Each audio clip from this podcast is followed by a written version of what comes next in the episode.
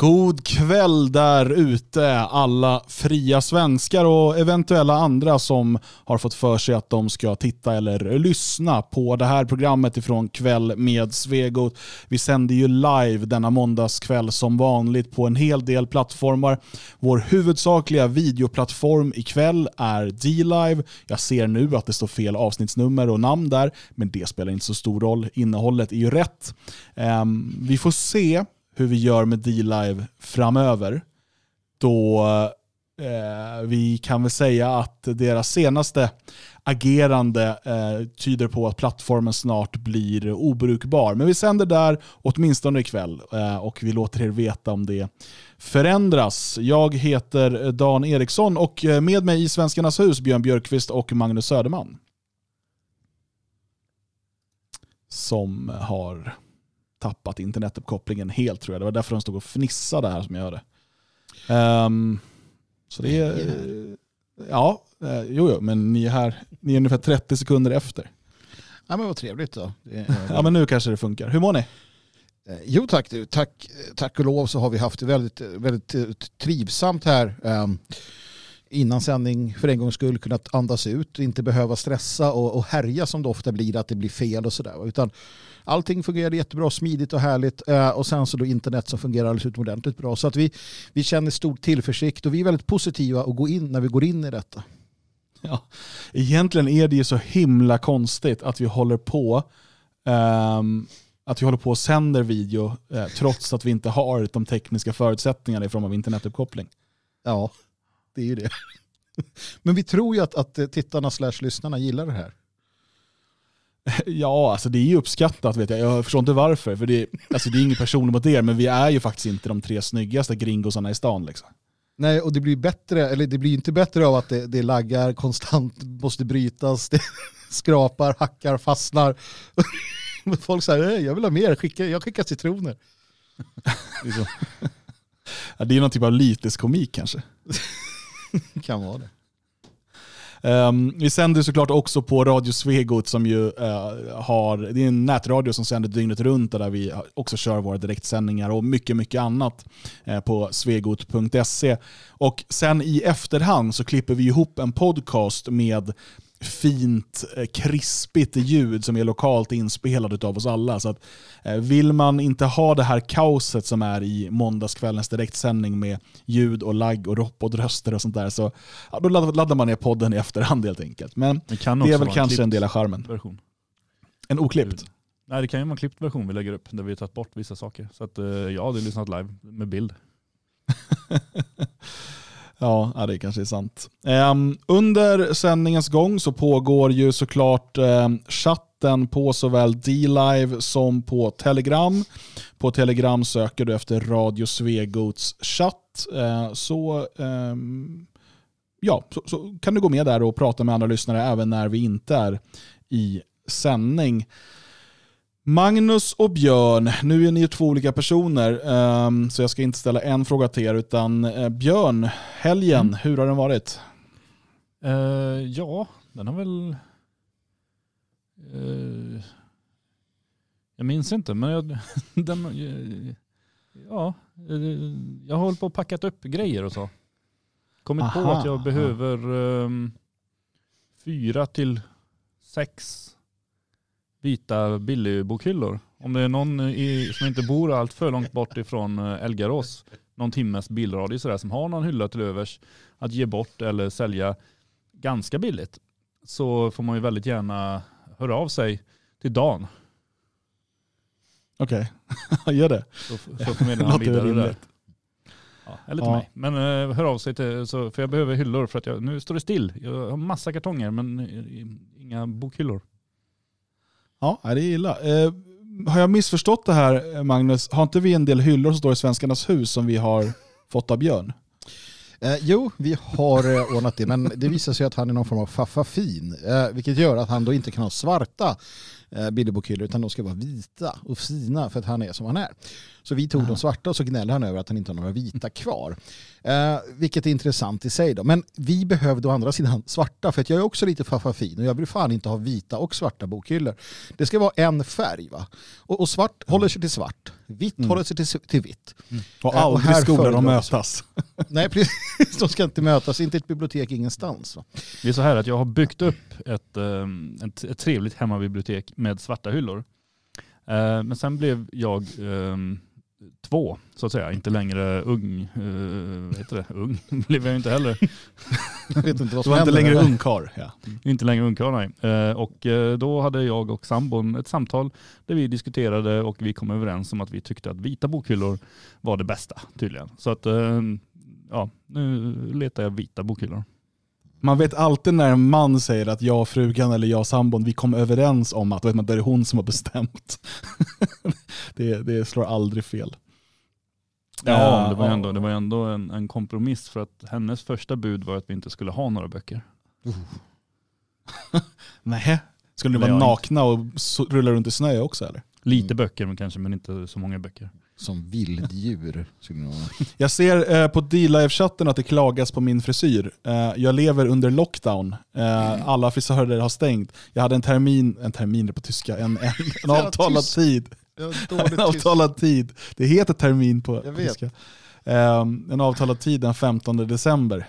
Eh, nej, den 17 december. Och den 15 december tvingade de alla frisörer att stänga. Det är en konspiration mot mig och jag är mycket, mycket upprörd. Det Ehm, sägs, så- eh, Dan Eriksson, det sägs att du gjorde en Thomas Wassberg häromdagen. Stämmer det? Ja, jag sitter här med, med en träningsverk på så underliga ställen. Eh, igår var, var jag ute och åkte långfärdsskidor, heter det? Lång, Mm. Längdskidor heter det på svenska. Mm. Fan, jag börjar bli som, vad heter han? Eh, Dolph Lundgren. Ja. Um, Eh, ut och åkte längdskidor med, eh, med svärfar och med min son. Min son fick eh, ett par eh, skidor utav, utav eh, min svärfar. Så att vi skulle passa på att uh, ut i skidspåren och åka lite. Jag bor ju eh, alltså i, uppe i bergen, i, det, det är lite så här semesterort med, det finns mycket skidbackar och sånt. Skidbackarna, liftarna och det är ju stängda nu eh, på grund av lockdownen. Men längdskidor är ju bara ute i spåren och köra. Ehm, och jag har, ju, jag har ju åkt längdskidor förut. Jag började så här, tänka tillbaka till när det var och det är alltså minst 25 år sedan. och det märktes. eh, för att det var väldigt skakigt, även om man liksom kommer in i det efter ett tag. Och Man kan väl konstatera att när man inte är så bra på längdskidor, då är det ett väldigt energiineffektivt sätt att ta sig fram. Ehm, det tog lång tid och jag var väldigt, väldigt trött sen. Och nu har jag, ja, men jag har träningsvärk i, i jag vet inte, några ryggmuskler i ben, axlar och bröst och, och, och någonting i händerna. För jag måste ju ha hållit i stavarna som att jag höll på att dö. Jag har hållit så hårt. Att jag, träningsvärk i, i händerna.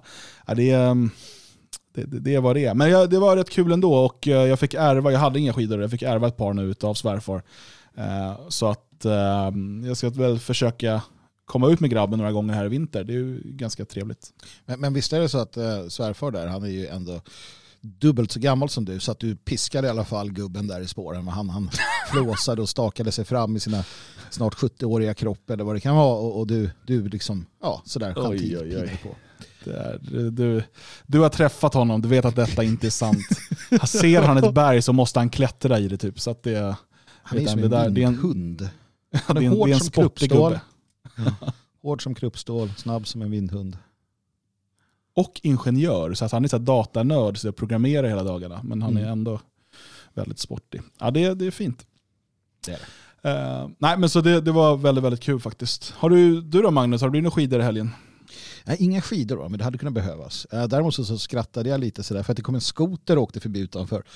Eh, jag gillar det med, med lilla, lilla Elgarås och det faktum att vi har bra med snö ändå. Så att en spark hade jag tänkt att jag skulle skaffa mig. Men nu börjar det bli töväder här tror jag. Eller hoppas jag. Det är vansinnigt kallt i Svenskarnas hus.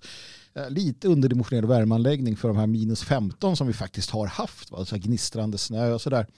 Eh, när det skulle tryckas lite pamfletter idag eh, så stod det plymer av rök ur munnen på eh, våra medarbetare i tryckeriet. så det är lite härligt eh, ändå måste jag säga. Och eh, det passades ju på naturligtvis att ut och sladda lite med bilen i, i helgen när, när det fanns tillfälle. Det är ju vansinnigt kul att, att sladda runt lite mm. grann. Och så. Eh, grillade på bakgården eh, hemma vid på, eh, utanför där. Det, det, är också skönt. Alltså det som är bra med att bo i ett hus. Jag har aldrig gjort det tidigare. Aldrig. Det här är första gången i mitt liv. Jag är ju en, en lägenhetsunge till skillnad från de här villaungarna som finns. Eh, och eh, springer omkring överallt.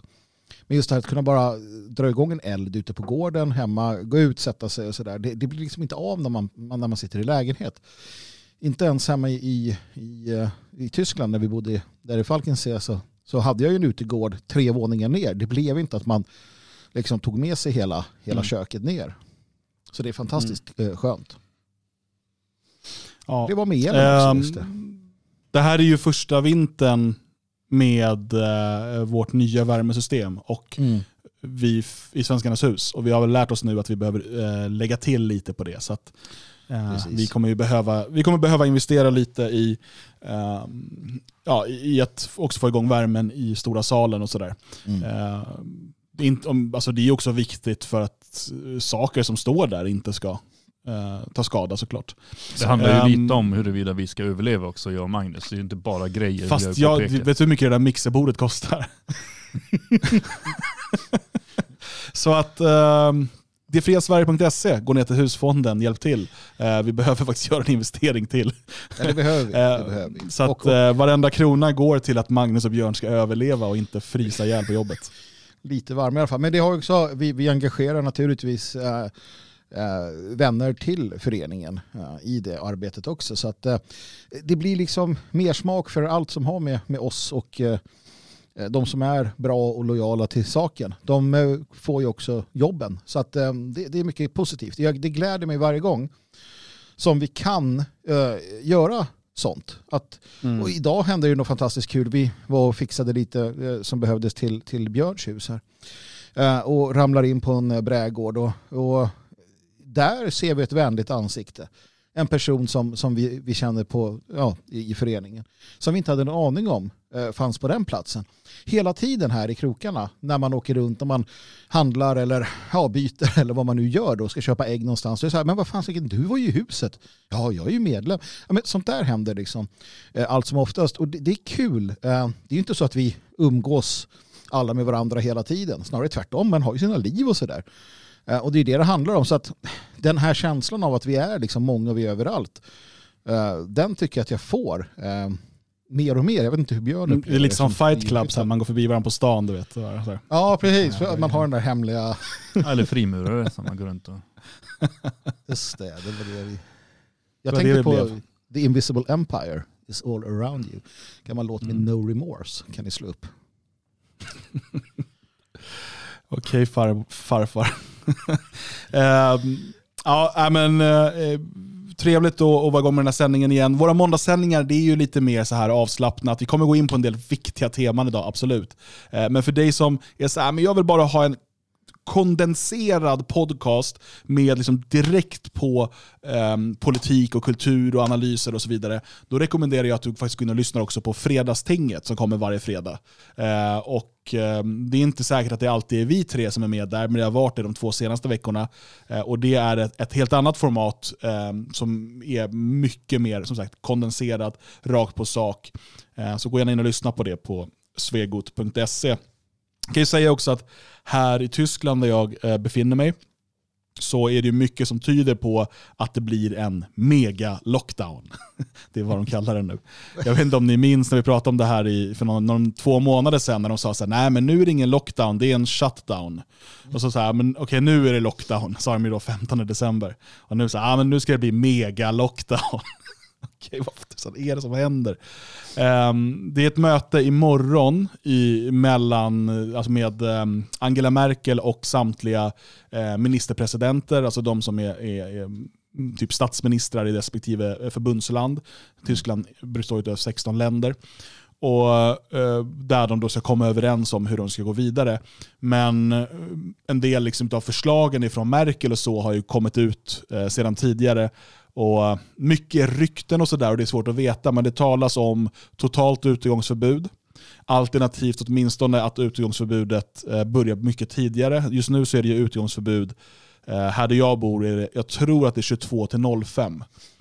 något sånt. Jag har inte riktigt brytt mig om jag ska vara ärlig. Men antingen utgångsförbud eh, hela tiden, förutom att man då ska eh, ha möjlighet att åka och handla, eh, men då direkt till affären och sen tillbaka. Um, och sådär. Så har de haft, så har de haft eh, i vissa länder tidigare och de pratar om det i Frankrike nu. Uh, även då nedstängning av alla, alla arbetsplatser. Um, bara matbutiker och apotek ska hålla öppet. Uh, och eh, ett flertal andra saker. Krav på FFP2-mask. Alltså inte de här blåa maskerna eller sådär som folk springer runt med nu, utan eh, de här av liksom lite dyrare varianterna. Då det, det talas det också om. Och det är ju intressant då, eh, vi ska inte fastna i corona och liksom tal och sådär, siffror. Eh, vi vet att det, det där är omgärdat med en massa problem, men siffrorna i Tyskland har ju sjunkit under, eh, eh, jag tror att det är två veckor nu. Och eh, Jens Spahn som då är motsvarande hälsominister, eh, en, en, homosexuell eh, galning, eh, sosse bra att ha en sån ansvar för hälsan. Han konstaterar då att ja, jo, alltså, talen sjunker, men det betyder inte att vi inte behöver striktare åtgärder. och Då ska man komma ihåg, så här, jag, alltså, för det första, det, det första de sa var okej okay, vi måste ha lockdowns och så vidare för att platta ut kurvan kurvan plattades ut. Ja, vi måste ha um, lockdowns för att få ner R-talet. Kommer du ihåg R-talet man så gärna pratade om? Mm. Att det skulle vara under 1,0, alltså att varje person smittade mindre än en person. Just um, R-talet i Tyskland är på 0,6 eller 0,7. Man pratar inte om R-tal längre. Utan nu måste man ner på under, eller min, högst 50 positiva test per 100 000 invånare de senaste sju dagarna i regionen. Eller i kommunen. Eh, alltså inte människor med symptom, inte människor på intensivvård, inte människor som dör, eller, alltså, ingenting sånt. Utan positiva PCR-test. Som alltså bara betyder att man, eh, ja, okej vi ska inte gå in på detaljer, men du behöver inte ens vara sjuk. Det är inte det det handlar om eh, antalet sjuka är ointressant, utan då var de här PCR-testerna kunnat visa spår av detta virus. Och det ska nu ner på under 50 per 100 000 invånare. Eh, och, och, jag menar, eh, det, det, alltså det är helt absurt. Ett, eh, alltså en stark indikation på att de ljuger för oss och för att det är någonting helt annat som man gör just nu än att man försöker rädda liv och hälsa det är att man hela tiden flyttar målet. Först var det platta ut kurvan, vi behöver två veckors lockdown, eh, platta ut kurvan så att sjukvården hinner med. Sen var det att få ner R-talet. Eh, när man fick ner R-talet, nej nu ska det ner på de här PCR, vi ska testa alla, hela tiden. Alla ska testas. Ska du på besök på, besöka någon på sjukhus eller äldreboende, nu får man inte göra det just nu, men vad du än sån här ska göra, ska du på arbetsplatser, du måste ta test. Alla ska testas. Men testen måste visa färre än 50 per 100 000 som har någon typ av, kanske spår av någonting som kan vara corona, det här coronaviruset. Det är inte ens säkert att det är det man ser spåret av, för det vet hur de där PCR-testerna funkar. Alltså, äh, det, det är så himla absurt. Eh, men till min stora glädje så ser jag nu hur det bubblar och kokar. Både här i Tyskland, det börjar hända saker som, som tyder på liksom civil olydnad. Och nu blir folk inspirerade av det som händer i Italien och det som händer i Polen. Har ni hängt med på det grabbar? Mm, jag såg det där som hände i Italien där man vägrade. Man, man struntade helt enkelt i det. 50 000 restauranger och andra ställen som bara öppnade och sen så eh, vägrade man acceptera polisen. Så det, jag undrar bara hur de ska få ordning på det här och hålla ihop det. För att det kommer ju nu mer, mer, och, mer och mer eh, studier som visar att lockdowns inte spelar någon roll. Eh, och vi kommer in på det tidigare, men USA kommer att ändra sig helt och hållet. Eh, efter att Biden har skurit in så kommer de eh, släppa på det här och köra igång ekonomin igen. Och det roliga är roligt att Eh, vi då som är någon form av eh, konspirationsteoretiker, ehm, vi fattade hur det här hängde ihop ganska snart. Eh, men och, men, men Merkel eller eh, alltså europeiska, europeiska politiska ledare, de har ju inte hängt med alls. De tror ju fortfarande kanske på det här på något sätt, för de, de ser ju inte tecknen. Utan de kommer ju stå där nu när USA öppnar upp och kör igång ekonomin, då står de här och bara, men vi har ju stängt, varför händer, skulle inte vi stänga? Och så Tyskland så här, men vi måste fortsätta medan då kanske Storbritannien, de skiter i vilket. Lite beroende på hur mycket kontroll de har över sin befolkning och sin media och sådär. Så kommer de öppna igen. Det kommer, kommer återgå till det normala känner jag nog eh, ganska snart.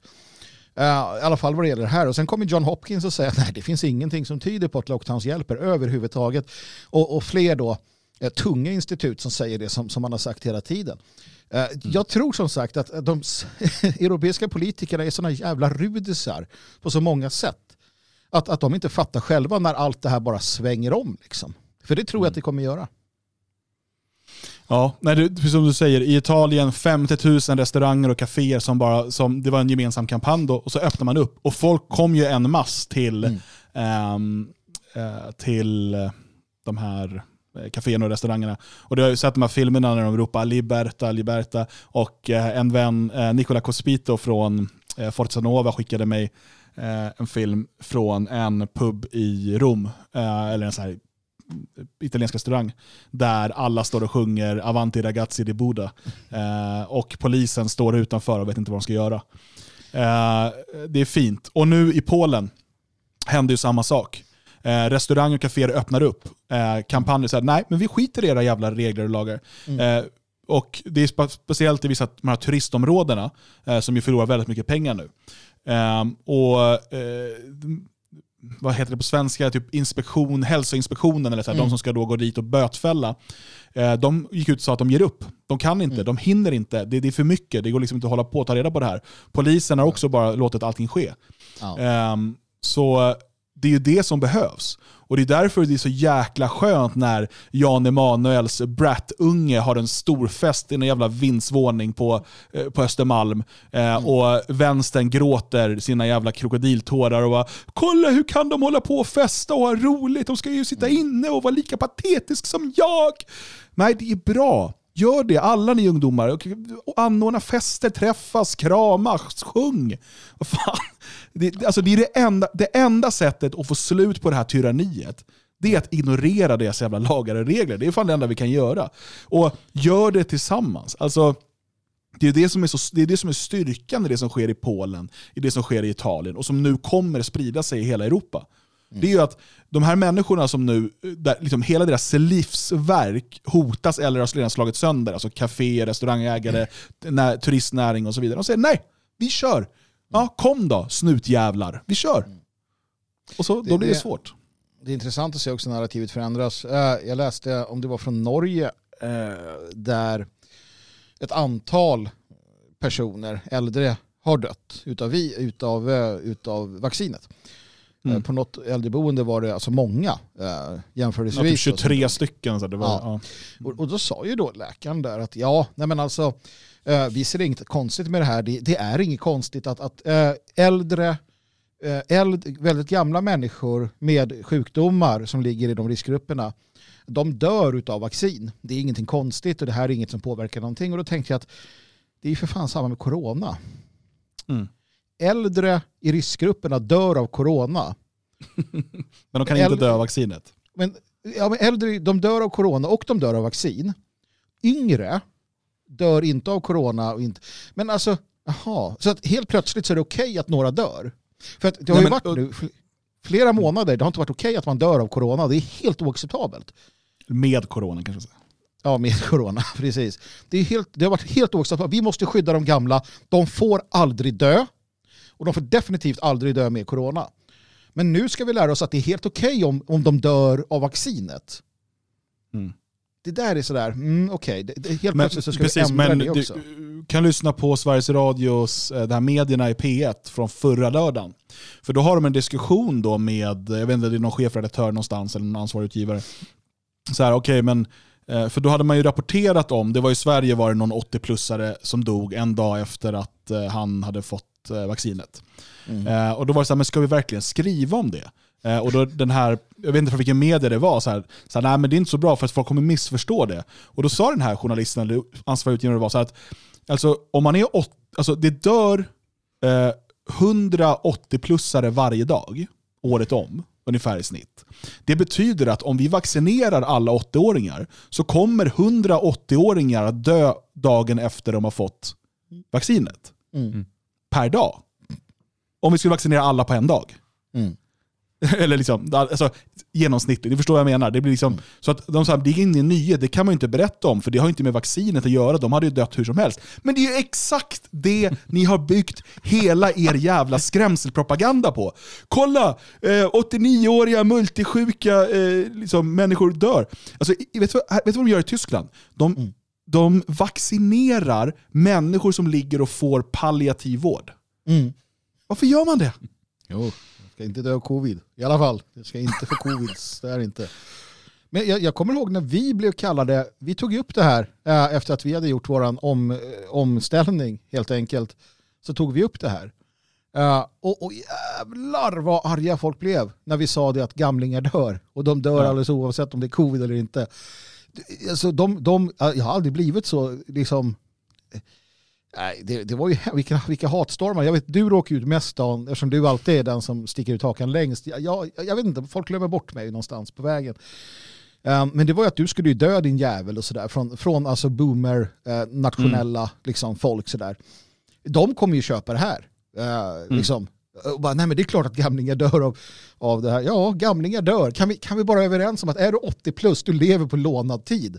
Det är kul om du lever länge. Jag vill gärna att, eh, och så länge de mår bra så vill jag att folk som, som jag liksom gillar ska leva jävligt länge. Men eh, liksom, nej. Men alltså det är ju så att om du hittar genomsnittsåldern, eller med, nej, genomsnittsåldern måste det vara, eh, på de som har dött med covid-19 är ju högre än de som har dött utan covid-19. Alltså vill man hålla på och larva sig med statistik så kan du ju då säga att ja, man lever längre om man får covid-19. Alltså det gör man inte, det, det är inte det. Men om man vill hålla på och larva sig med statistik. Alltså det, det är så Du, himla du menar att det dumt. är ungefär samma som att det är livsfarligt med sjukhus för att eh, de flesta Ja. människor dör där. Ja. Gå inte till Ja. sjukhus, då lever ni för evigt.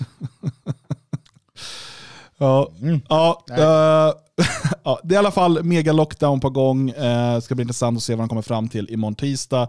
Eh, jag kommer nog eh, få skriva om det på nationalisten.se om inte annat.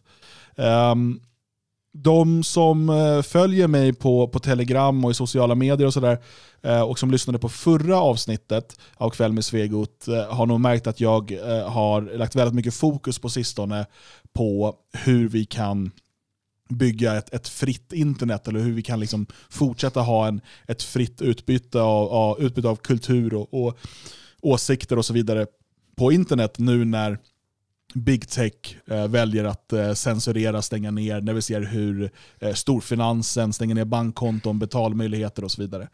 Eh, och för att inte helt ta över alla våra vanliga kanaler med det så har jag lanserat en separat blogg för det här ämnet.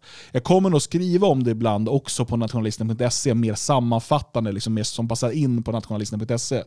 Men jag kommer ha betydligt tätare uppdatering och, och utforska den här världen betydligt mer på daneriksson.com. Så jag ville bara säga det att om man är intresserad av de här frågorna, kryptovalutor, blockkedjor, decentraliserade lösningar och så vidare, så följ gärna på daneriksson.com eh, så kommer jag eh, dela med mig av massa intressanta eh, saker.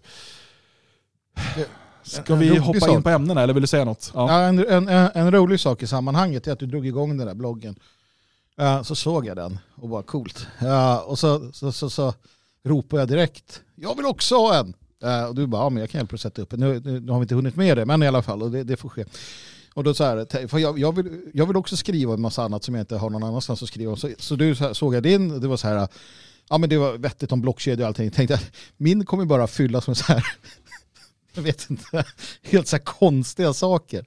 Allt sånt här som man vill skriva men inte kan göra på typ nationalisten. Så kände jag, min, min blogg kändes senast här mindre värd i, i en så här sammanhang där. Så det, var Vad lite, skulle det vara för något? då? ja, men det blir mycket religion, mysticism och ja, men okkultism, kanske en del ariosofi. Ja, det och finns ju folk här- som är intresserade av det, så det är ju ingen, alltså vill du skriva Nej, om blir det det? inte. Men det, det kändes så. Jag bara, åh, jag vill också ha en sån här. Så bara, Ja, men så var det så här, nu ska jag hjälpa er att så här komma vidare här. Jag ska, vara så här, ja, men jag, ska, jag ska hjälpa er att gräva ett hål där ni kan hoppa ner. Och, så ska jag diskutera konstiga, eller inte det är monolog om så här.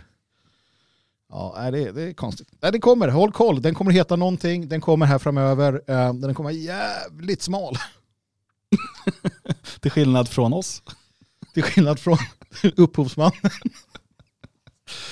Ja, okej. Ja. Ehm, vi ska prata idag om framtiden för USA och framtiden för Europa. De här är ju såklart sammanlänkade på många sätt, men det är så mycket som händer nu. Och vi behöver titta på dels det som händer nu och så titta lite i eh, kristallkulan. Dels för att se eh, vart samhället i stort är på väg och därmed också kunna se vad vi som eh, en nationell opposition, som en, en svensk frihetsrörelse, eh, var vi ska ta vägen.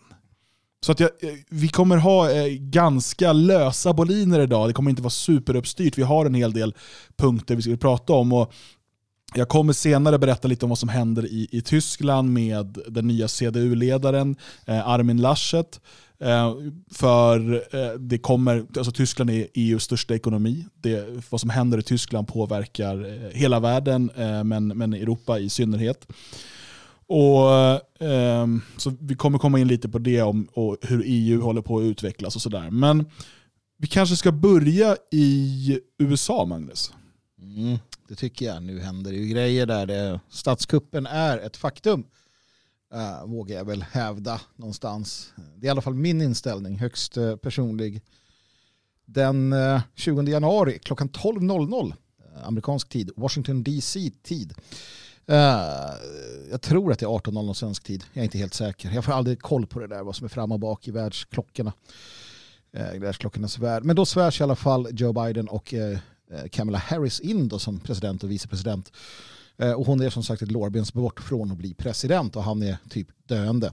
Så det där är bara, bara den lilla detaljen, att Demokraterna lyckas få in den här inkompetenta kvinnan som USAs nästa president någon gång under de här fyra åren. Bara att man lyckas med det och ingen liksom, ja, det, reflekteras knappt över. Det är intressant att se. Många hoppas ju på det naturligtvis. Ett svenskt etablissemang till exempel. Eh, och, och det här sker alltså. Men ni vet, det var ju en, en, en, kupp eh, menar man då för någon, någon helg sedan här där man försökte storma Kapitolium. Vi återkommer till det. Men, men det som händer nu det är alltså att man har stängt av i princip hela downtown Washington DC. Det, det är avstängt. Eh, du har placerat ut armén. Uh, nationalgardet då, uh, är det. Armén får inte sättas in på amerikansk jord fortfarande. Um, om jag inte missminner mig. Uh, utplacerad i, i, i Kapitolium, runt Kapitolium, runt hela innerstaden. Uh, man har vettat samtliga militärer som är på plats och sett till att de är lojala till Biden. Alltså de är demokrater. Man har gått igenom att alla är lojala mot den nya regimen. Och det här har varit offentligt. Man har sagt att vi måste kontrollera alla så att de är eh, att de inte har uppvisat någon som helst så här, maga-grejer eller att de, att de gillar Trump eller att de har uttryckt det positivt. Eh, eh, så man har gått igenom alla. Så det är bara lojala till den kommande regimen som är på plats för att med vapen i hand se till så att den här regimen, den här senila snuskgubben och hans eh, vicepresident, att de kan tillsättas i USA. Det, det är det som händer. Och, och, och jag menar, uppbackade av sociala medier etc. Som har nu ägnat all tid åt att tysta allt motstånd. Vad är det som en kupp här? Menar, det, det, det är helt absurt. Visst, man kan säga att han vann valet. Va? Men å andra sidan, jag hävdar fortfarande att det finns mycket där som inte alls är som det ska vara. Mm. Alldeles oavsett, man tillsätter en president, han, han, så här, han hade alltså en, en utsändning på YouTube, Joe Biden, för några dagar sedan. 7000 personer tittade på den. Mm. Så pass? Det, det är ganska mycket. Uh, men han fick mer röster än någon presidentkandidat någonsin har fått i USAs historia. Mm. Uh, det finns mycket här. Va? Men, men återigen alltså. Han tillsätts utav Demokraterna som från dag ett sa att vi ska ha en motståndsrörelse mot Donald Trump. Eh, deras egna politiker och journalister har pratat om att det måste brinna, städerna måste brinna, det ska vara uppror på gatorna. Vi ska göra allt vi kan för att krossa Trump. Eh, man har mördat hans anhängare, skjutits på öppen gata, det har varit liksom attacker i fyra års tid. Mm. Och nu tillsätts Joe Biden med militärmakt. Mm. Alltså, vad, Men- vad, det, är ju helt absurt. Men För- är inte förresten, det eh, nödvändigt Björn- då efter, efter Ja. stormningen av Kapitolium? Precis. Vi har nämligen exklusiva bilder som visar detta blodiga, detta kuppförsök. Detta är alltså bilder inifrån Kapitolium när eh, nazimobben stormar för att ta makten och döda politiker. Så Låt det inte ut. barn titta på det här nu. Nej.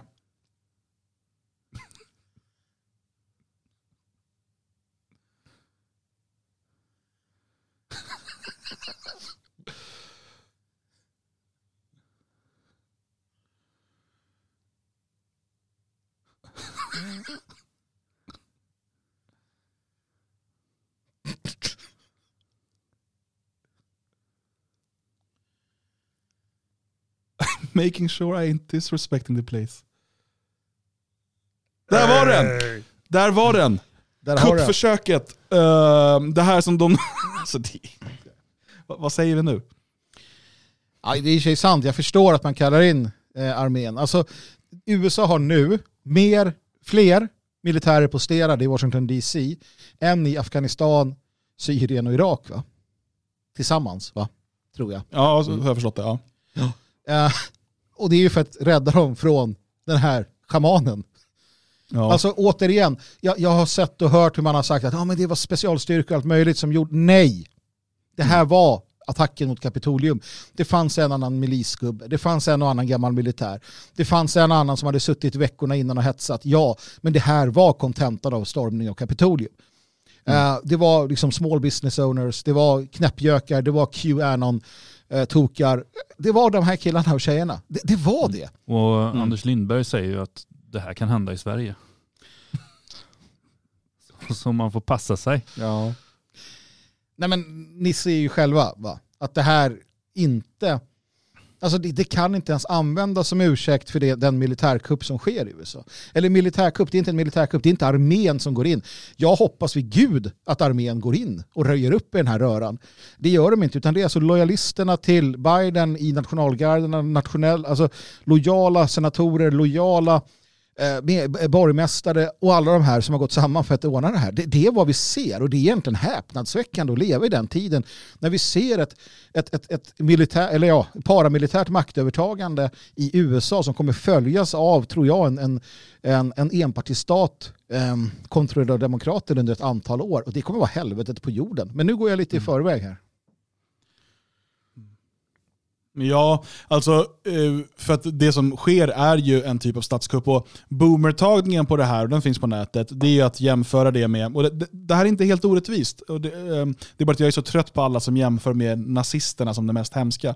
Eh, Men så som vi har fått lära oss om riksdagsbranden i Berlin, så som den officiella historien idag beskriver att den skedde och hur den då utnyttjades av nazisterna och sådär. Om vi utgår från att den beskrivningen är sann, det påminner väldigt mycket om det som sker just nu eh, i USA. Alltså man använder någonting som inte alls är det man säger, alltså det man påstår att det är.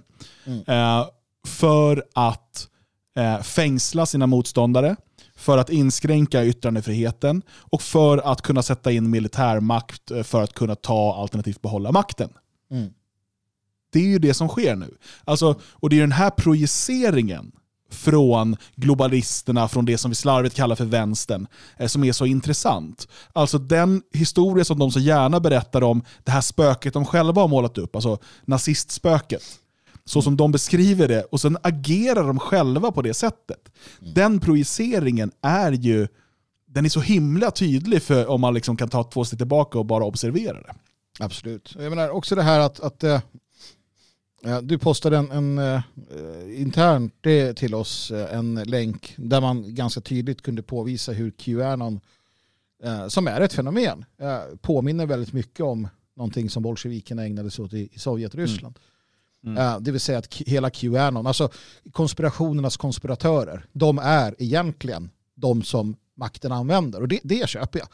Att Qanon och alla de här dårarna, nu pratar vi dårarnas dårar, att de är sjösatta av regimen, det, det köper jag helt och hållet. Det är liksom den totala och ultimata konspirationen.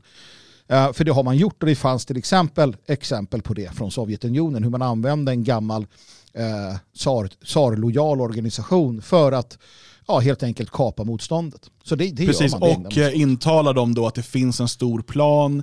Eh, ni behöver egentligen bara sitta och vänta. Eh, ut, alltså allt som sker har egentligen en plan.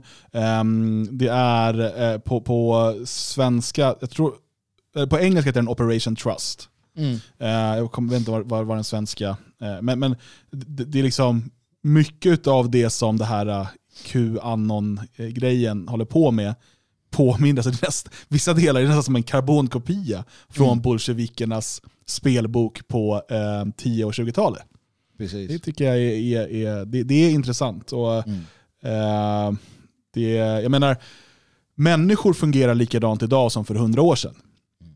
I stort sett. Alltså pöbelväldet och, och, och liksom hur vi kan manipuleras. Vi kan fungera på samma sätt. Så att mm. om man har en taktik som fungerade vid senaste revolutionen, så ja, Precis. inte använda den igen?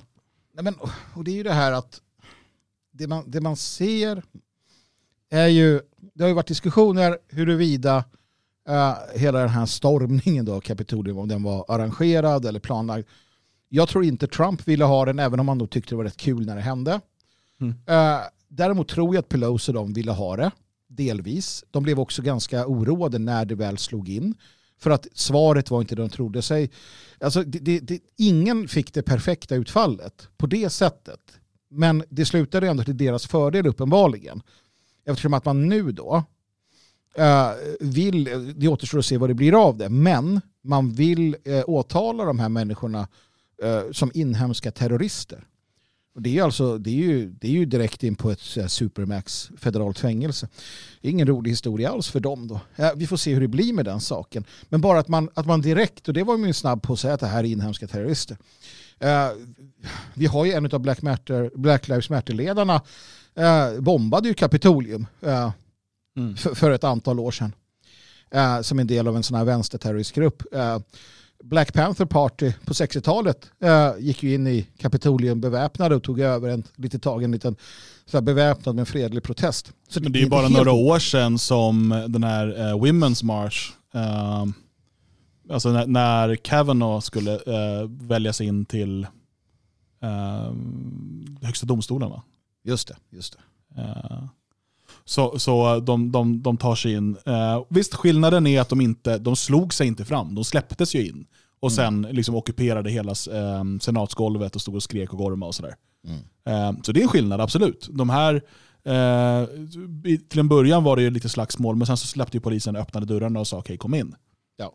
det är ju ehm. det som är grejen. Det är det som, som ehm, de vi kan kalla för vänstern för bekvämlighetens skull det är det de pekar på. Vad vi än lyfter fram så säger de att ja, men det var inte så här det gick till. Det var inte exakt så här. Det, det måste ju vara liksom exakt samma fotsteg. Mm. Det måste ha gått precis likadant. Det måste vara samma tidsförlopp. Allt måste vara i detalj likadant. För att annars kan man inte peka på att det här har redan hänt och det här är någonting som vänstern brukar syssla med.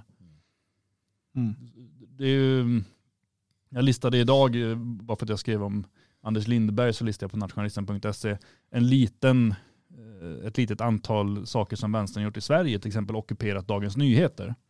Mm. Och idag så, ockupanterna släpps in idag på Dagens Nyheter som skribenter. Eh, vi, vi, har demonstrationerna i Göteborg, kravallerna där, där man slog sönder eh, stora delar av Avenyn, hade sönder både privat och eh, allmän, eh, allmänt material för enorma summor i, i, ett sätt att försöka hindra ett demokratiskt möte. Vi har alla angrepp mot Sverigedemokraterna som har varit år ut och år in. Vi har själva varit med på demonstra demonstrationer där man har kastat sten och eldat saker omkring oss och sådär för att hindra oss från att komma till tals. Sånt där sker ju konstant precis hela tiden. Men det här som vi sett i USA nu, vi har inte sett exakt det. Inte i alla fall precis just då, inte samma dag. Mm. Och mm. därför så måste vi bara prata om det, för att annars så försöker vi flytta fokus nu från det här hemska som, som um, också kan komma att hända i Sverige. Mm. Fast inte exakt likadant då heller kanske, men det kommer ändå vara samma sak. Att mm. skriva mm. argt på Twitter är eh, samma sak som att springa in och förinta Kapitolium som nu har hänt. Mm. Nej, men det är det. det, är det. Så, så ser man ju också att det håller inte ihop narrativet. Man, man började ju då med att säga att det här var på det sättet. Ja, vi hörde att man hade skanderat att de skulle hänga vicepresidenten.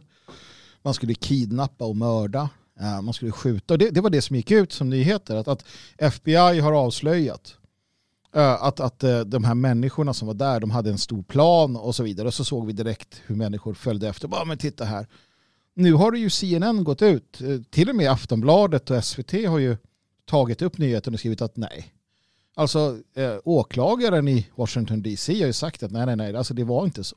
De hade inga planer på att kidnappa eller mörda någon, det fanns inte. Så att, Mm. nu monteras ju det här ner. Det här de byggde upp då som det här stora eh, liksom försöket, medvetna, strukturella försöket att krossa liksom, och ta över USA. Det, det rasar ju ett, ett steg efter ett. Eh, och folk följer liksom bara efter. Vi får se nu var, varför gör man så? För att man kan. Och nu kommer man inte behöva bli beslagen med lögn. Nu, nu kan man säga, nej men vi sa, vi sa det först men nu har vi ändrat oss för att folk skiter ju i det. Mm. Eh, Vi ska ju tänka på att halva USA är för det här kuppförsöket. Den här kuppen som sker nu. Halva USA är för. I alla fall nominellt. Eh, Det är väldigt många som, och det, det är sant, många röstade mot Trump, inte för Joe Biden eller Kamala Harris. De kommer nog bittert ångra det. Um, för att det kommer vara fundamentala saker som går förlorade, fundamentala rättigheter, fundamentala delar av det amerikanska samhällets liksom själva fiber som kommer att slitas itu för en, en gång för alla av den här administrationen. Det, det, det kommer ångras i stugorna i USA, det, det är jag säker på. Mm. Ja, Jo, helt men klart. bara en sån sak som att alla illegala invandrare nu ska få stanna eh, fritt och öppet. Bara en sån liten detalj är ju... Ja, det är, det, och det är faktiskt ingen liten detalj. För att det här, är ju, här kommer vi lite in på det som är temat här. Mm. USAs framtid. Mm. För att ehm, USA hade redan eh, en, en demografiskt väldigt komplicerad situation för de som önskar en vit överlevnad i USA. Ehm, och eh, vita har snabbt reducerats från att liksom utgöra 98% eh, för ungefär 100 år sedan, eller 97% eller vad det var, till att idag vara nere runt 60%. Eh, och tittar man i yngre åldersgrupper så är vita redan i minoritet.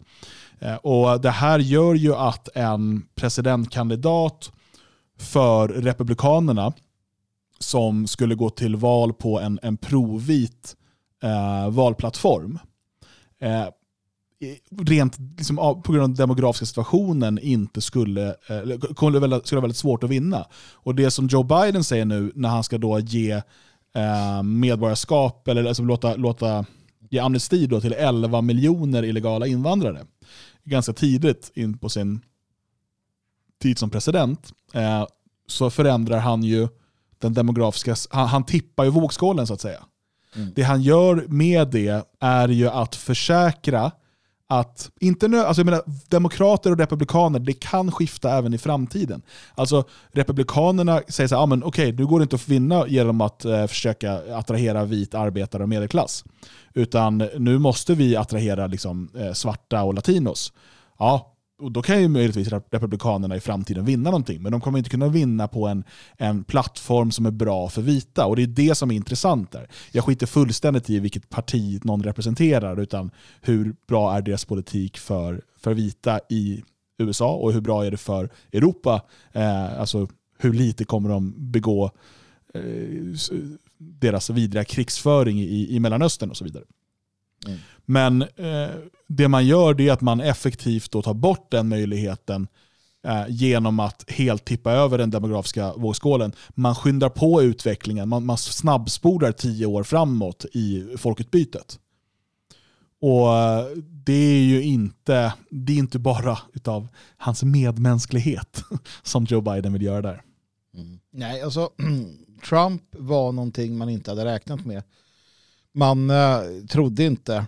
Eh, och det var äkta, en äkta, en äkta förvåning som kom över dem när han vann. Men det var nog också det sista försöket, eller den, alltså den vita, den vita människans sista liksom sådär pust eh, i USA på det sättet. Chansen i alla fall att ha en...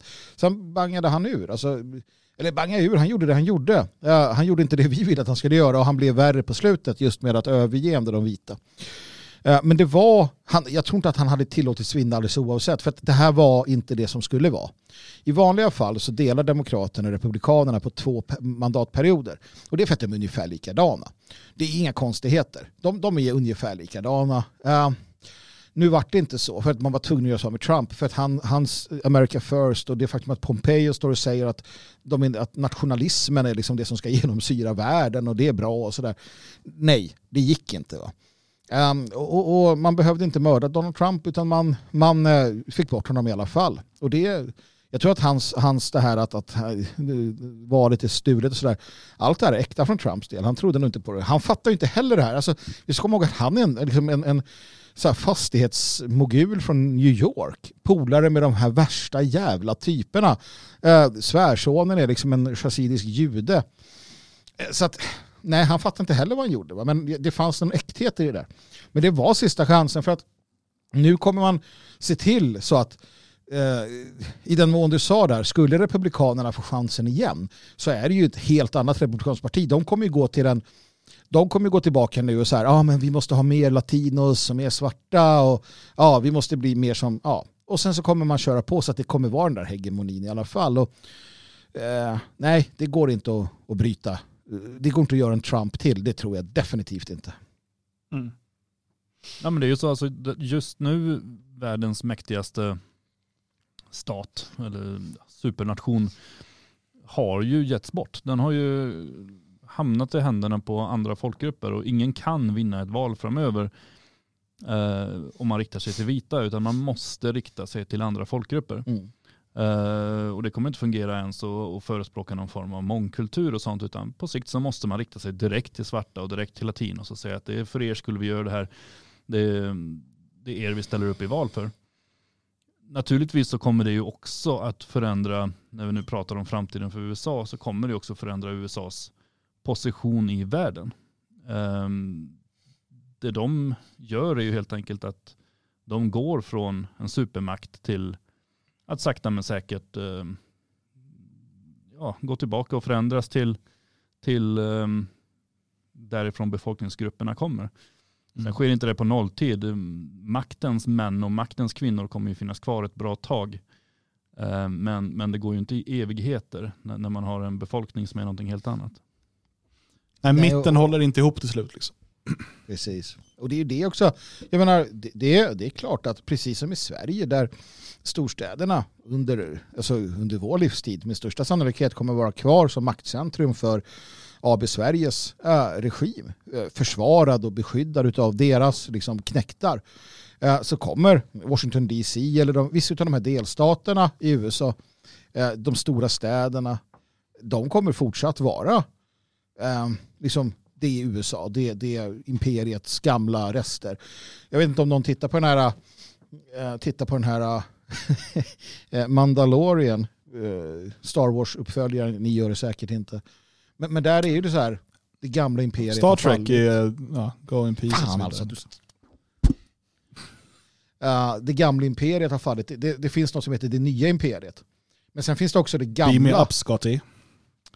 Sen finns också de här gamla maktstrukturerna kvar. Den här planeten, det är fortfarande stormtrupper. I got the power! Um, och det är ju samma här. Vi kommer få se hur de här... Uh, Kawabanga. Alltså, Schwarzenegger kommer sitta i sin feta, lyxiga villa uh, i liksom det liberala Kalifornien eller var han nu befinner sig.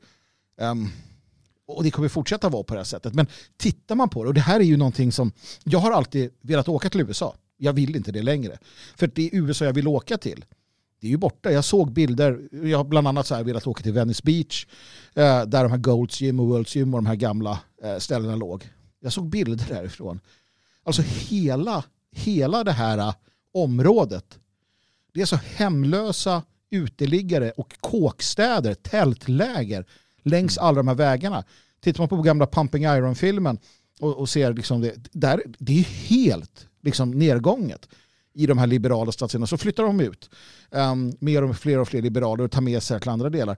Men alltså det här att USA faller, ja, men det kommer upprätthållas. Det kommer finnas kvar delar av det här.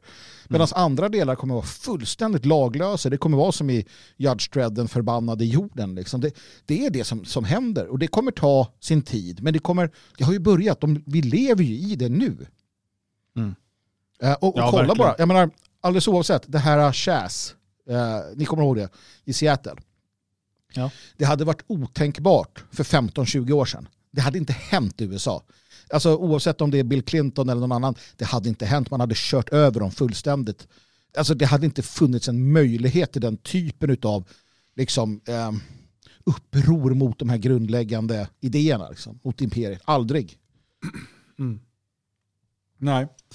Nej, absolut. Och det är ju så att eh, när man väl har pas passerat liksom, det demografiska Rubicon så är det alltså det är en snöboll som har satts i rullning eh, och den går inte längre att bara liksom, kasta tillbaka. Utan den har, den har fått för mycket momentum. Och då, då, I det här fallet då är det då den demografiska katastrofen eh, för, för vita människor i eh, Nordamerika. Eh, sen är det ju, alltså kommer det ju vara så som du är inne på här att vissa uh, gated communities, vissa områden som man kanske kan skydda med vapenmakt och sådär, kommer vita kunna leva okej. Okay. Uh, titta på Brasilien till exempel, eller Sydafrika för den delen. Um, och Så kan man se uh, den utveckling som väntar många vita i, i USA. Och så, så, att vi går mot en helt, ett helt annat USA än det vi har känt de senaste 100-200 åren. Men jag tror också att vi går mot ett USA som inte kommer kunna hålla ihop. Mm. Man måste också veta att eh, framförallt bland liksom vita republikaner eh, på landsbygden så finns det ju en inbyggd eh, ja, skepsis är nästan en underdrift mot eh, den federala staten. Oh ja. um, så att en rörelse kan växa fram, det finns ju redan liksom embryon till det, men alltså en massrörelse som kräver secession och frihet ifrån eh, från eh, den federala staten. Det, det, det är jag nästan säker på att det kommer göra. Eh, sen om det, hur det kommer bemötas utav den federala staten, det, det är väl en annan fråga. Alltså, det, det, det, det, det sjuka här, eh, när Obama var president, då höll vi på med det här som vi gör nu. Vi pratade om det här då. Bland annat hade vi med oss James Edwards och diskuterade delvis. Men jag minns att jag tog upp då under hans presidentperiod hur, hur allt fler stater och, och rörelser i staterna pratade om secession. Eh, man började diskutera här. Det var, det var liksom vita patrioter tillsammans med indianer, tillsammans med svarta eh, och, och hispanics som diskuterade det här eh, för att bryta sig loss. Det här pratade nationella om eh, på 80-talet. The Butler Plan hade vi då som en idé att man skulle samlas i nordvästra USA och så vidare. Eh, och vi pratade om det då. Nu, häromdagen, så publicerade SvD, Svenska Dagbladet, en artikel om det här. Hur kan USA komma att splittras upp? Och de säger att Brexit var omöjligt att tänka sig tills det hände. det är precis samma sak här. Och jag menar, jag minns Sovjets fall. Jag minns eh, den här murens fall. Det var helt otänkbart och tänka sig när det året inleddes. Ingen, vuxen eller barn, tänkte att när det här året är slut, då har muren fallit, Sovjet har krackelerat. Ingen såg det komma. Brexit, vi vaknade upp på vad fan händer här? Donald Trump. Alltså, vi trodde ju inte ens på det. Alltså, vi trodde nej. ju inte på Brexit. Nej. Eh, och det händer. Och det har hänt. Och det är liksom så. Samma sak här. Och, och jag menar, vi sa det för fyra år sedan, fem år sedan, sex år sedan. Nu har SvD kommit fram till att ja, det kanske blir så här. Och det är ett tecken i tiden när de plockar upp våra idéer eller våra analyser. Det är ett tecken i tiden. För då är det så pass, för vi är smartare än dem. Vi, vi har en bättre analysförmåga än alla de här människorna tillsammans. Det är därför vi alltid är först på bollen. När Arpe de plockar upp om, om massinvandringen, det, då har vi gjort det i 20 år. Um, men då kommer pissliberalerna. Uh, och det är samma här.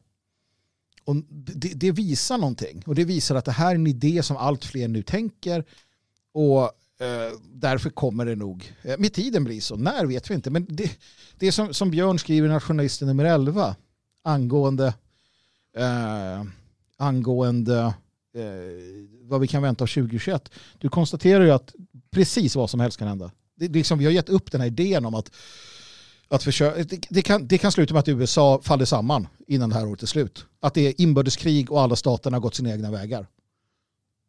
Det, det kan ha hänt. Eller inte. Det, det kan ingen Ja, eh. Björn, vad ser du? Vad ser du att eh, USA är på väg någonstans?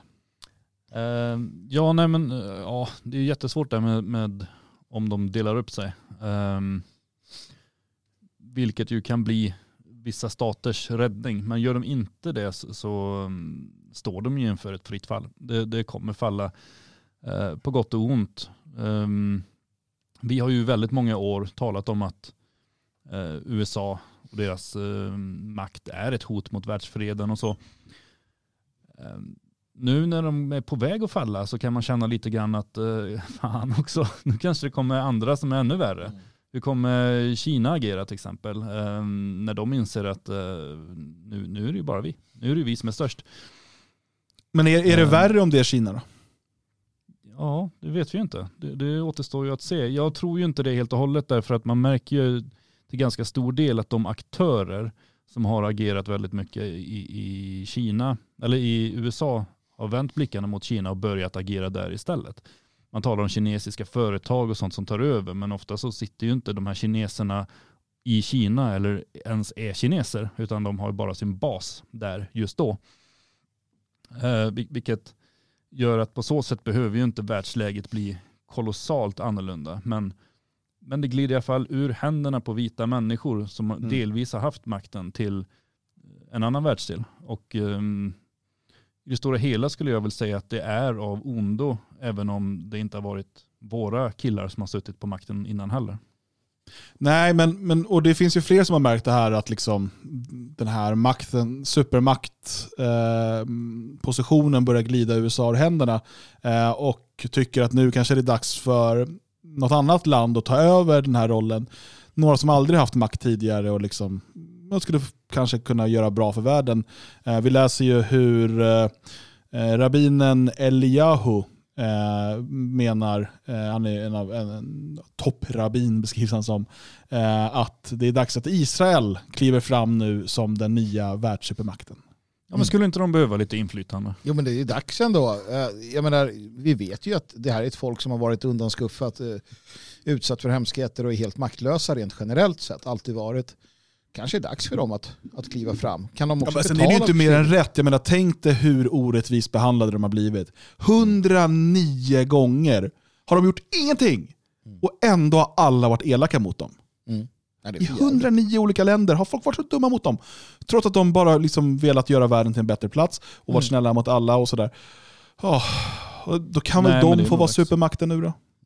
Det vill de. Uh, Shmuel Eliyahu, som du säger, då, chefsrabbi, det är alltså en av de absolut tyngsta posterna i USA, eh, skriver ju om det här. Ehm, och, och som vanligt så är den här härligt, härligt judiska öppenheten. De skäms inte för sig. Han konstaterar. Du har demografiproblem i USA. Det föds åt helvete för få barn bland de vita. Eh, du har liksom migrantvågorna som kommer och slår över. Det är öppna gränser. Han skäller på den politiska korrektheten som bara kommer liksom rasera hela samhället. Eh, och, och, och alla de här bitarna. Han, han eh, visar att ja, men föll eh, för Faro. Ehm, historiskt sett så, så, så är det här så. Han, han säger det att imperiet faller, det är, det är slut med USA. Och han menar då att nu är det dags för Israel att, att kliva fram. För att han menar det att alldeles oavsett hur illa den kan vara ställt med Israel, och här tror jag att han har lite rätt. Alltså, du, du har, eh, som han säger, alla de här eh, familjevärderingarna, allt sånt här, det är bättre i Israel. Men inte bra utifrån ett, ett, liksom, ett, ett konservativt judiskt perspektiv.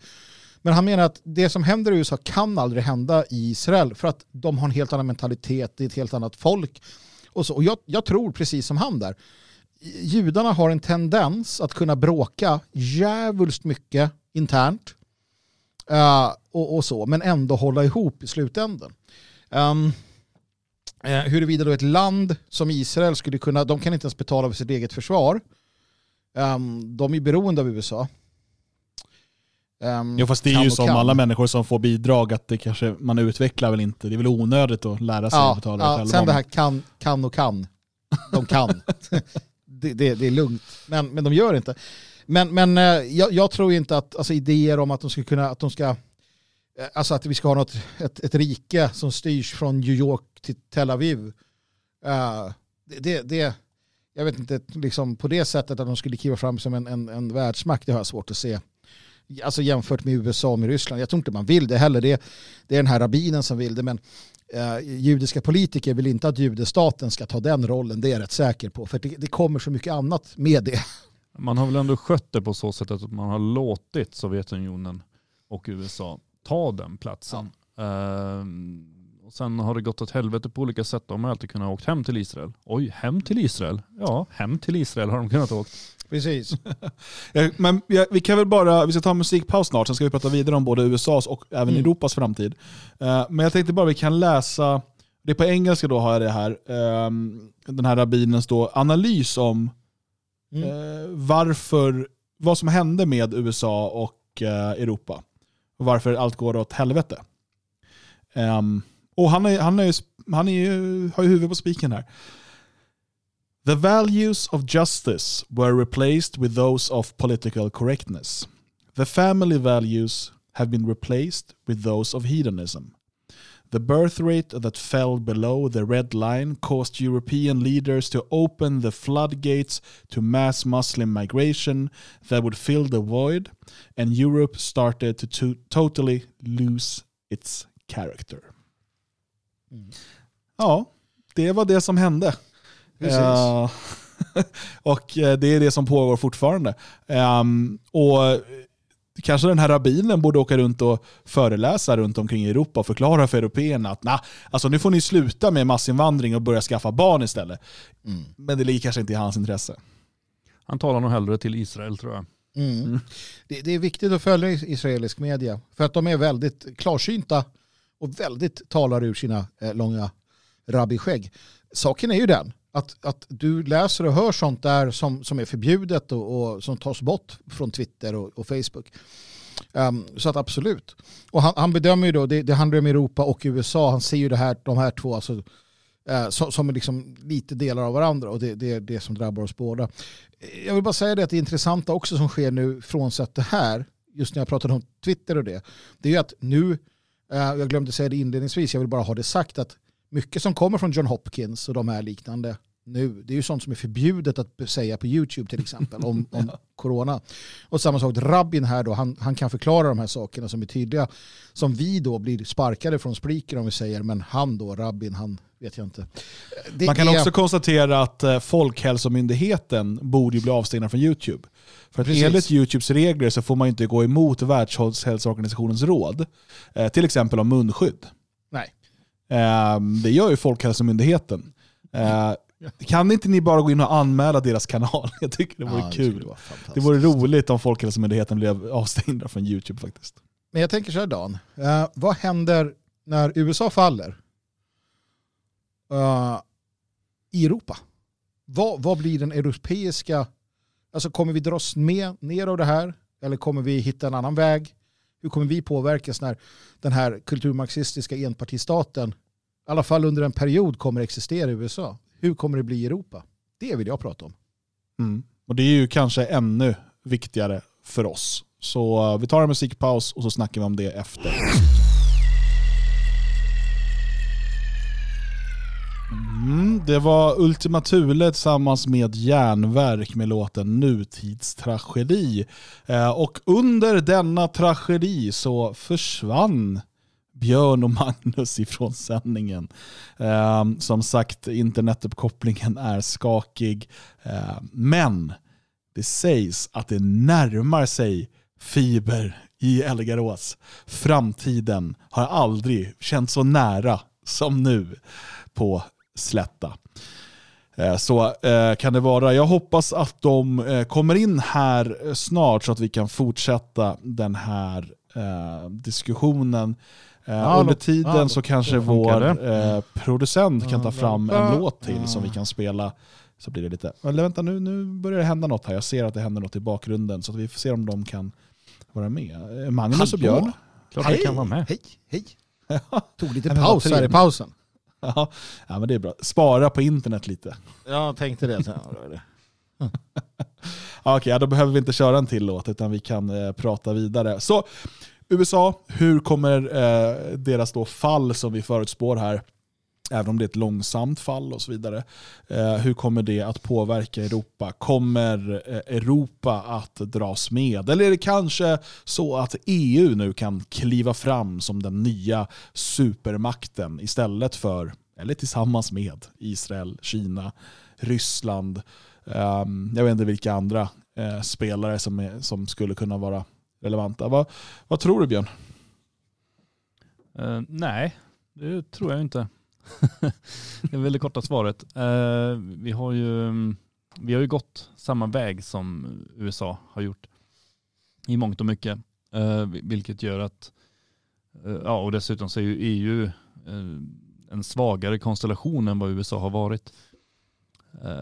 Så jag tror inte, jag tror att vi, det finns nog makter eller krafter inom EU som vill att EU ska gå fram några steg här nu och kommer försöka med det. Vi har ju sett det här nu med man tar fram gemensamma uniformer, vi håller på att skapa ett EU-försvar eh, och de här bitarna. Men, men vi är en kontinent med enorma problem som håller på att slåss inbördes kolossalt mycket. Så att, eh, det, det blir svårt att bli en världsmakt samtidigt som man inte ens kan hålla ordning på sina egna befolkningar. Det är, det är få också uh, som ser sig som europeer. alltså, nej, det, vi alla ser oss som europeer. Eller ja, det gör vi. Men vi ser oss inte som europeer i samma Glasklart som... Magnus, vad kom du fram till till slut? Vi ser oss inte som europeer så som de flesta jänkare ser sig som amerikaner. Nej, nej, nej, absolut inte. Där har vi den stora skillnaden. Och det kommer vara till vår fördel. Uh, utan tvekan är det så. För jag tror också att vi kommer få se nu efter uh, för som sagt, det här med corona kommer vara ett ganska mycket minne blott första halvåret 2021. Biden blir president, man, man har redan nu i USA de, alltså sådana här äh, som hon Lightfoot och andra i, i de, alltså de stora eh, borgmästarna i de stora städerna. Guvernörer. Eh, de har redan sagt mm. att nu öppnar vi, nu går det inte. Eh, Cuomo i, i, i New York har ju sagt det. Att nu går det inte längre, nu kommer vi öppna upp hela New York. Alltså man har vänt på en femöring. Uh, och, och, Vilket vi, förlåt bara, vi kan väl säga att vi, det sa vi redan när lockdown började i USA. Ja. Att den kommer ju liksom ganska snart efter att uh, Biden uh, blir president. Om han nu blir det. Mm. som, vi, som då visste vi inte. och enligt vissa vet vi fortfarande inte. trust så, the plan. trust the plan, gör ingenting, sitt hemma.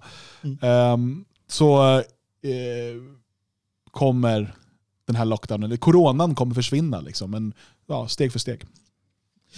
Precis, uh, och, och, och, det är här, det är här vi, vi då kommer få se, tror jag, hur då USA börjar gå tillbaka och återhämta sig, alltså i den mån det, vi kan kalla det för en återhämtning. Um, I Europa så kommer man sådär tvehågset behöva släppa på de här lockdownsen och sådär också och det börjar komma igen. Men det som har hänt det är att eh, vi ser i Italien och på alltså de här länderna, de här enorma motståndsrörelserna mot det här. Jag tror att, att hela den här, dels EU fick en ordentlig pungspark i början när det visade sig att, att EU inte kunde hantera pandemin. Alltså eh, typ så att Tyskland bara, nej ni får inte de här eh, medicinerna de här skyddsutrustningarna. Frankrike beslagtog en, en, en hel jävla sändning från Kina som skulle till Sverige. De bara tog den. Nej, vi ska ha det här istället och det vart bråk. Alltså många har förstått det här, svagheten i EU. de gör allt nu för att påvisa en styrka. Den finns inte. Du, du hade 50 000 som du sa butiker som öppnade i, i Italien där i, i Rom och så, där man bara strunt i. Alltså hatet mot EU, hatet mot politikerna har växt sig rejält. Det mm. finns mm. de här jävla covid-idioterna och andra som, som kräver munskydd och så, men det är fortfarande samma minskande andel av befolkningen som är lojal till makten. Jag tror att när vi kliver ur det här så har befolkningarna, även om de inte vågar göra så jävla mycket, men de har i alla fall fått ännu mer motståndsvilja mot hela det här spektaklet. Det, det känner jag på mig ändå. Och där skiljer vi oss markant från USA. Och sen vad som händer i USA när, det, när USA blir en, en kulturmarxistisk eh, eh, liksom enpartistat på riktigt med, med allt vad det innebär. Det kommer också få människor att se vad fasiken är som händer. Lägg där till då de sociala medierna som, som slår till ännu hårdare. Eh, det väntar ju mycket hårdare tag så vitt vi förstår. Va? Så att nej, jag tror att, jag tror att eh, som, som supermakt, nej, EU ligger också illa till. Men de europeiska folken har enorma fördelar um, så här i den sista timmen uh, gentemot uh, andra länder. Jag tror att det kommer bli värre och hårdare och i USA än i, än i Europa. Mm. Ja, det, det, det tror jag med. Och som jag ser på EU just nu, eh, så man är redan på fallrepet och man, man är på ett sätt i en, i en nedgång som bara kommer fortsätta. Vi kommer se, jag tror vi kommer se länder som följer Storbritanniens exempel och så eh, inom en ganska rimlig framtid. Men innan det sker och innan det tillåts ske så kommer, precis som alla eh, stormakter, alla imperier, eh, alla maktfullkomliga och så vidare, när det är på väg att rinna dem ur händerna så kommer man blåsa upp sig själv rejält. Mm. Eh, och då, jag menar, vi pratar nu om den här gemensamma militären, eh, vi pratar om beskattning på EU-nivå eh, och vi kommer nog få se betydligt eh, hårdare repression, eh, mer inskränkningar av friheter. Eh, hela den här covid-hysterin är ju en bra, en bra övning på det. Um, så att man kommer bli mer desperata i sitt försök att behålla makten och det här uh, jätteprojektet som man ju ändå har man har ju ändå investerat ungefär 100 år i det. Uh, så att uh, det är ingenting man bara kommer låta eh, liksom falla hur som helst. Och det EU gör nu och det man kommer fortsätta göra det är att försöka homogenisera EUs länder, eh, medlemsländer. Alltså att man försöker få dem att, att alla eh, gå i samma riktning. Eh, så man massa fina ord för det där. Men det är bara att titta på hur man behandlar eh, till exempel Polen och Ungern när det gäller eh, migrationsfrågan. Eh, I stort sett allt man gör i EU nu när det kommer eh, nya eh, fördrag och så vidare. Det handlar om att få Ungern och Polen, till viss del en del andra av de här länderna också, men framförallt Ungern och Polen i dagsläget, att rätta in sig i ledet. Mm. Eh, och Det kan vara då med olika ekonomiska eh, utpressningsmetoder framför allt.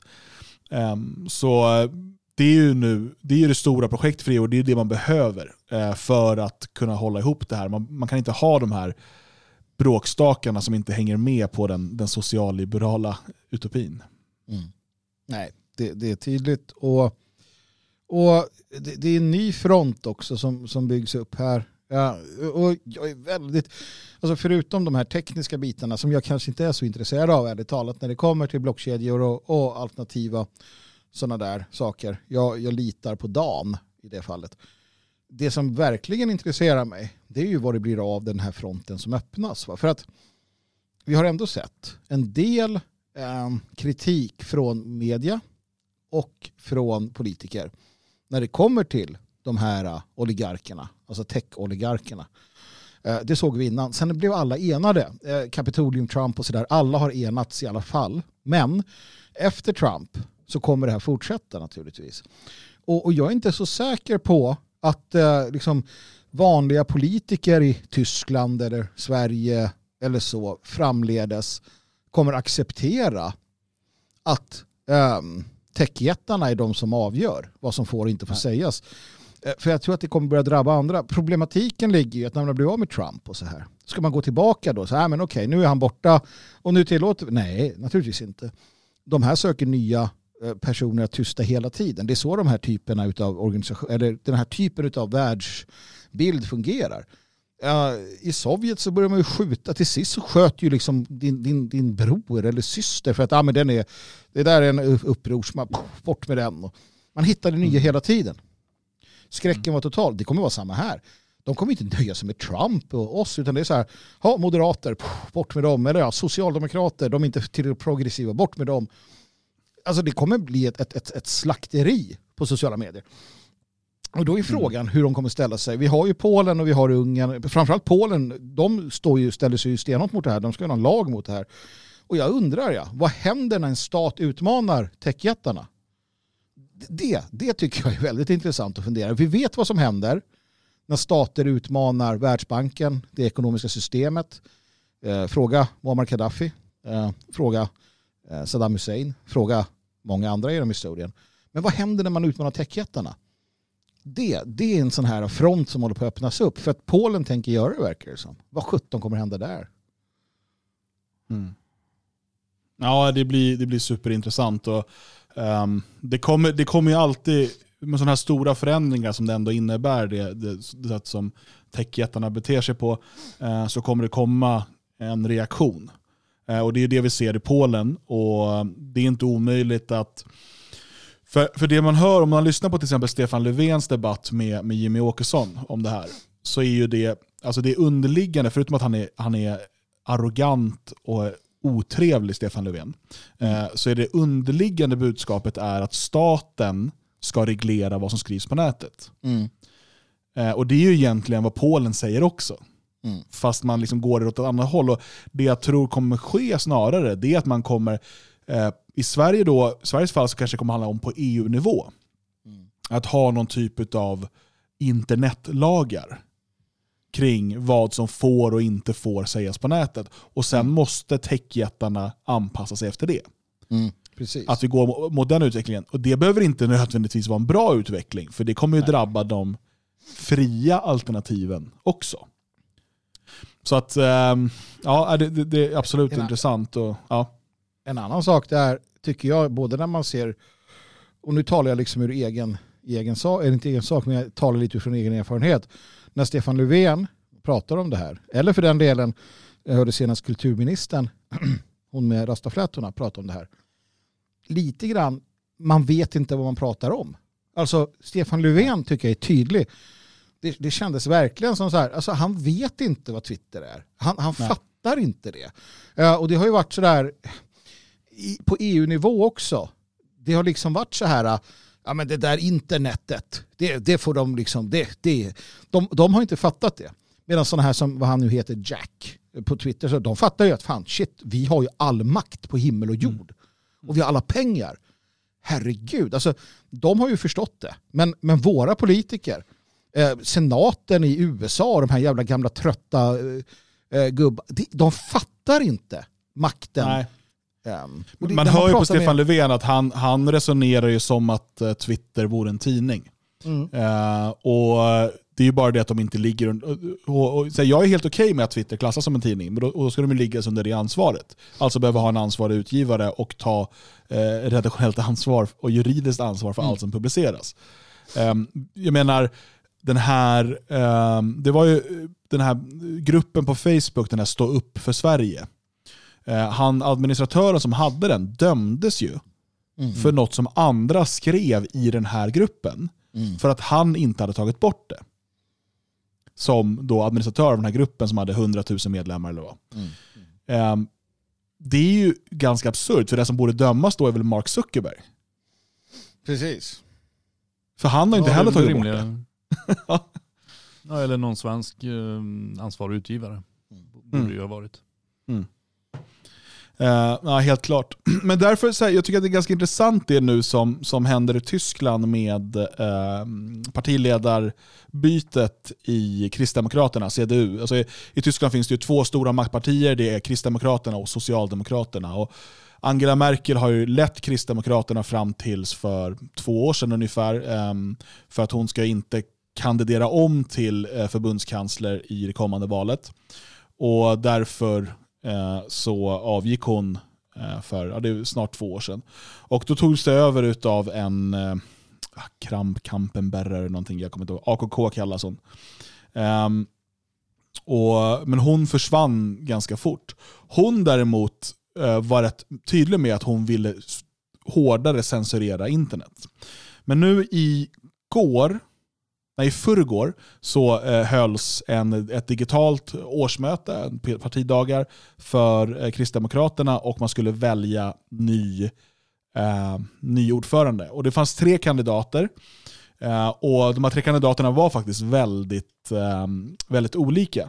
Eh, för du hade då dels eh, Röttger, Um, som Röttgen, som var, är vänsterkandidaten. Han ville föryngra och förnya, satsa mer på uh, det gröna, alltså man skulle ta väljare från Miljöpartiet uh, och man skulle få in fler kvinnor och fler homosexuella. En typisk vänsterkandidat. Då. Och det, alltså, återigen, Kristdemokraterna maktparti, precis som sossarna i Sverige. De har en vänster och en högerflygel och så vidare. Och sen hade man eh, en högerkandidat eh, Friedrich Merz, som under hela upptakten och liksom valkampanjen och så här, som bedrevs i tv, det var en ganska, en ganska stor grej. Det är som ett presidentval nästan. Eh, han nämnde inte en enda gång eh, klimatet till exempel. Vilket han har fått mycket kritik för, men han tycker inte att det är en viktig fråga. Eh, och eh, Han Eh, har istället då pratat mycket om lag och ordning, eh, kraftigt begränsad invandring, hårdare tag mot eh, islamister och så vidare.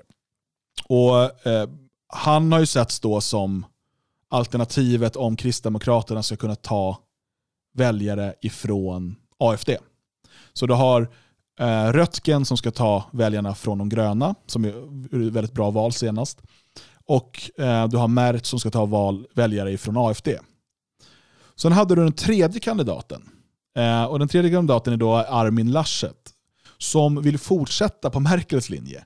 Han är okarismatisk skulle jag säga. Han utstrålar inte pondus. Eh, han känns som en byråkrat. Ehm, han är just nu eh, ministerpresident, alltså eh, ledare för Nordrhein-Westfalen. Ehm, vilket ju är, eh, tror att det är alltså till befolkningens största eh, förbundslandet. Och eh, Han går på en linje som vill fortsätta i Merkels spår. Eh, inga större förändringar. Eh, men eh, han har varit lite mer uttalad i till exempel sin kritik, eller att man ska sätta hårdare tag emot eh, arabiska klaner. Som är ett stort problem även i Tyskland, precis som i Sverige. Men han vill egentligen fortsätta förvalta det som, som Merkel har stått för. Och I den första rundan så eh, åkte då eh, den här Röttgen, han den vänstergröna kandidaten, ut. Han fick eh, färskt antal röster. Eh, och det blev då en andra omgång där eh, då Laschet, Merkel-kandidaten, vann med ganska liten marginal. Jag kan säga att officiellt så är inte det helt fastslaget än. Så att eftersom det var digitalt så är det inte helt klart för att alla som röstade ska också skicka in sina röster som poströster. Eh, så att teoretiskt sett kan det förändras, men det är väl inte mycket som tyder på det. Eh, men jag tänker bara att jag, jag har bara liksom kollat upp lite vem den här Laschet är och jag tycker att det är viktigt att veta det för att mycket tyder på att han blir nästa Eh, Eh, kandidat till förbundskanslerposten, alltså bli högsta ledare i Tyskland. Tyskland är den största ekonomin i EU och eh, liksom en dominerande makt som påverkar oss alla. Så eh, låt oss bara kolla vem den här Laschet är. Han är eh, katolik, aktiv sådan, Uh, han är gift uh, med en kvinna han träffade redan som ungdom i, i kyrkans ungdomskör. Uh, de har tre vuxna barn tillsammans. Han sägs vara, håll i dig nu Magnus, håll i dig. Är du beredd? Ja, bra. Bli inte rädd nu. Han sägs vara släkt i rakt nedstigande led med Karl den store det här är inte helt, helt verifierat, men hans familj har, och hans, framförallt hans bror har ägnat sig åt väldigt mycket släktforskning. Eh, och de har en hel hemsida där de visar det här.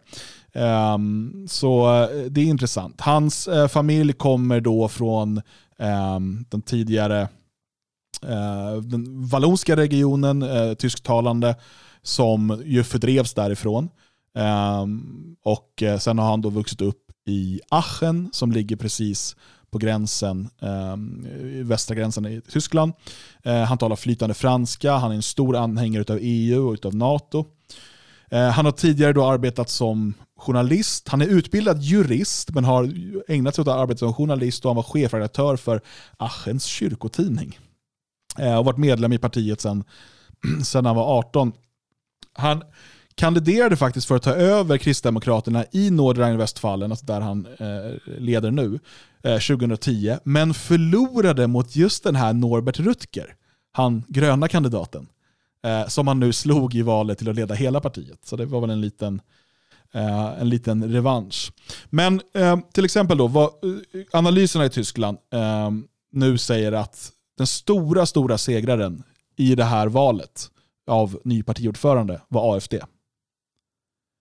För att den här eh, eh, Laschet kommer inte kunna rekrytera AFD-väljare. Han kommer fortsätta på Merkels ganska, alltså bland AFD-väljare såklart väldigt opopulära eh, linje.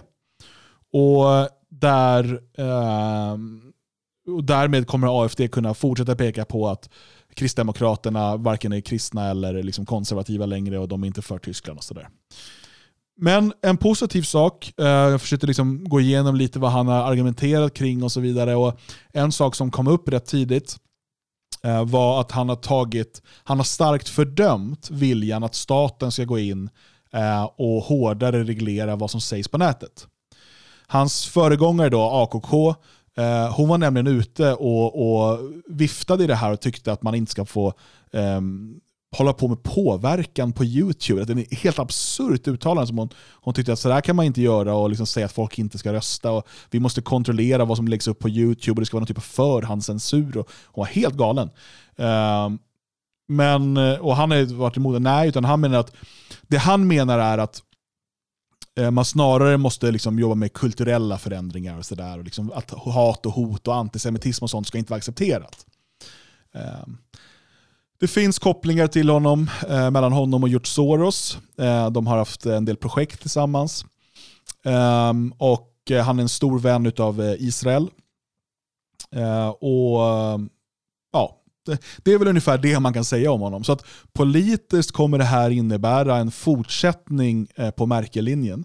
Väldigt många spekulerar dock i att eh, Marcus Söder, som nu eh, leder Bayern och tillhör då systerpartiet CSU, det som är Kristdemokraterna i Bayern, eh, att han kommer bli ehm, kandidaten till ehm, förbundskansler och inte Laschet. Men det får vi se.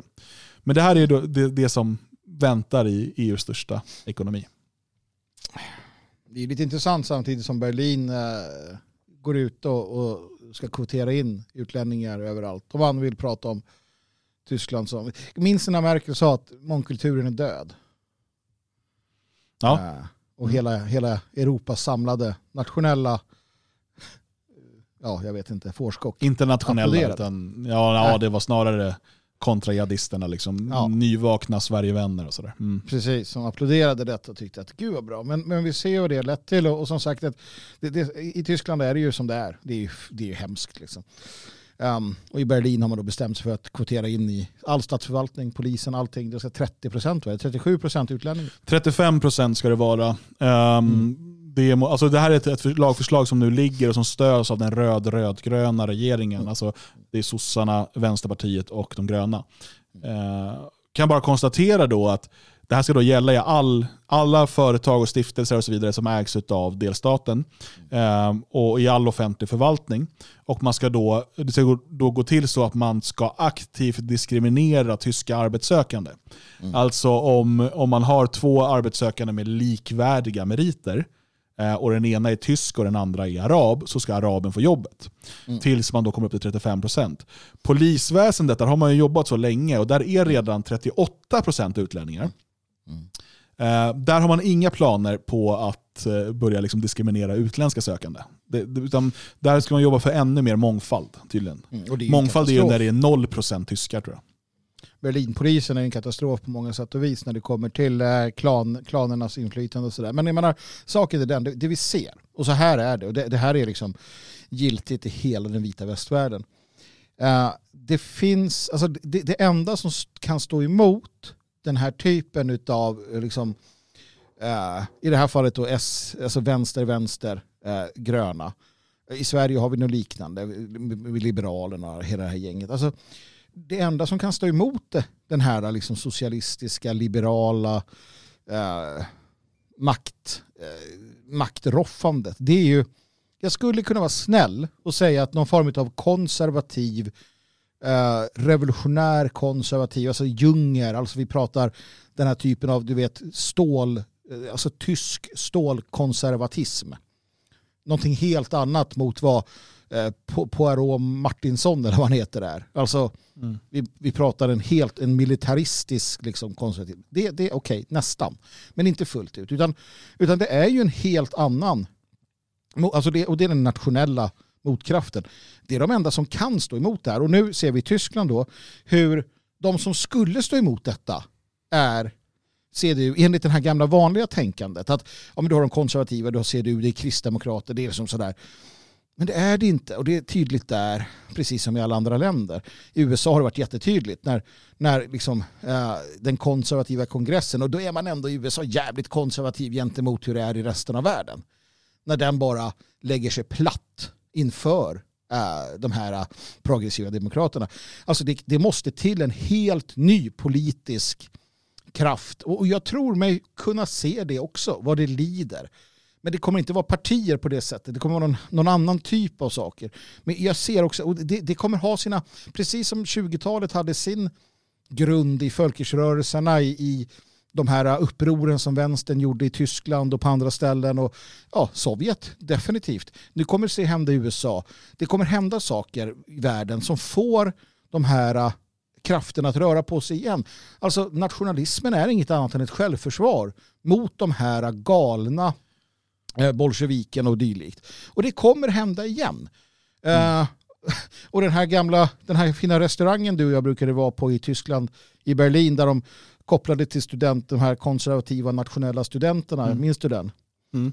Det kommer dyka upp igen. Och det har börjat hända. Man sitter på kaféerna, man sitter på ölhallarna, man sitter där man kan, man skiter i polisen, man, man umgås, man, man, man bygger underifrån. Det här är på gång igen. Det är som Arnstad sa, det är så här det började på 20-talet. Mm. Uh, men det, finns en, jag, viktig, jag finns en viktig skillnad här. Eller inte en skillnad egentligen, det finns en viktig lärdom här. Uh, jag tror Henrik Jonasson skrev om det här på Twitter, konstnären, uh, och, och det är väldigt, väldigt viktigt de som försöker kopiera mm. 1920-talet idag, de är inte 2020-talets nationalsocialister och fascister. Även om de kallar sig det kanske. Men alltså, de är inte alltså, i anden, i vad de gör. Utan de är 1920-talets konservativa som ville återskapa 1820. Mm. Nationalsocialismen och fascismen var visionär var framåttänkande, var på det sättet progressiv. Det var en rörelse som tittade för, alltså absolut att bygga på en grund, men man ville, alltså nationalsocialisterna, vi pratade tusenåriga riket och så vidare. Eh, man tittade framåt, hur skapar vi ett nytt starkt folk? Mm. Det var frågan.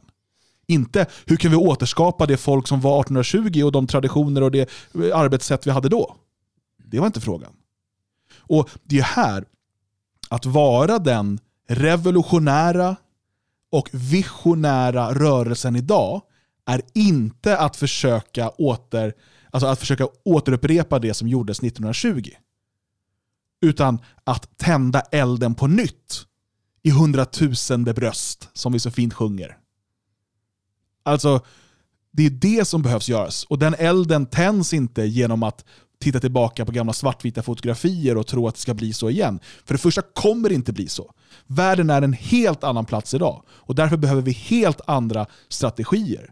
Men vi behöver anden, vi behöver styrkan och visionen som våra föregångare hade på 1920-talet. Ja, och, och, och, och, den här, den här uh, lusten och glädjen som finns där, det är väl också viktigt att ta med sig kan jag tycka. Uh, att kasta sig in i det och inte räda saker och ting. Uh, det, det, var ju samma då som nu. Det var jättemånga som mådde dåligt. Och, jag menar, Weimar-Tyskland var ingen rolig historia på något sätt.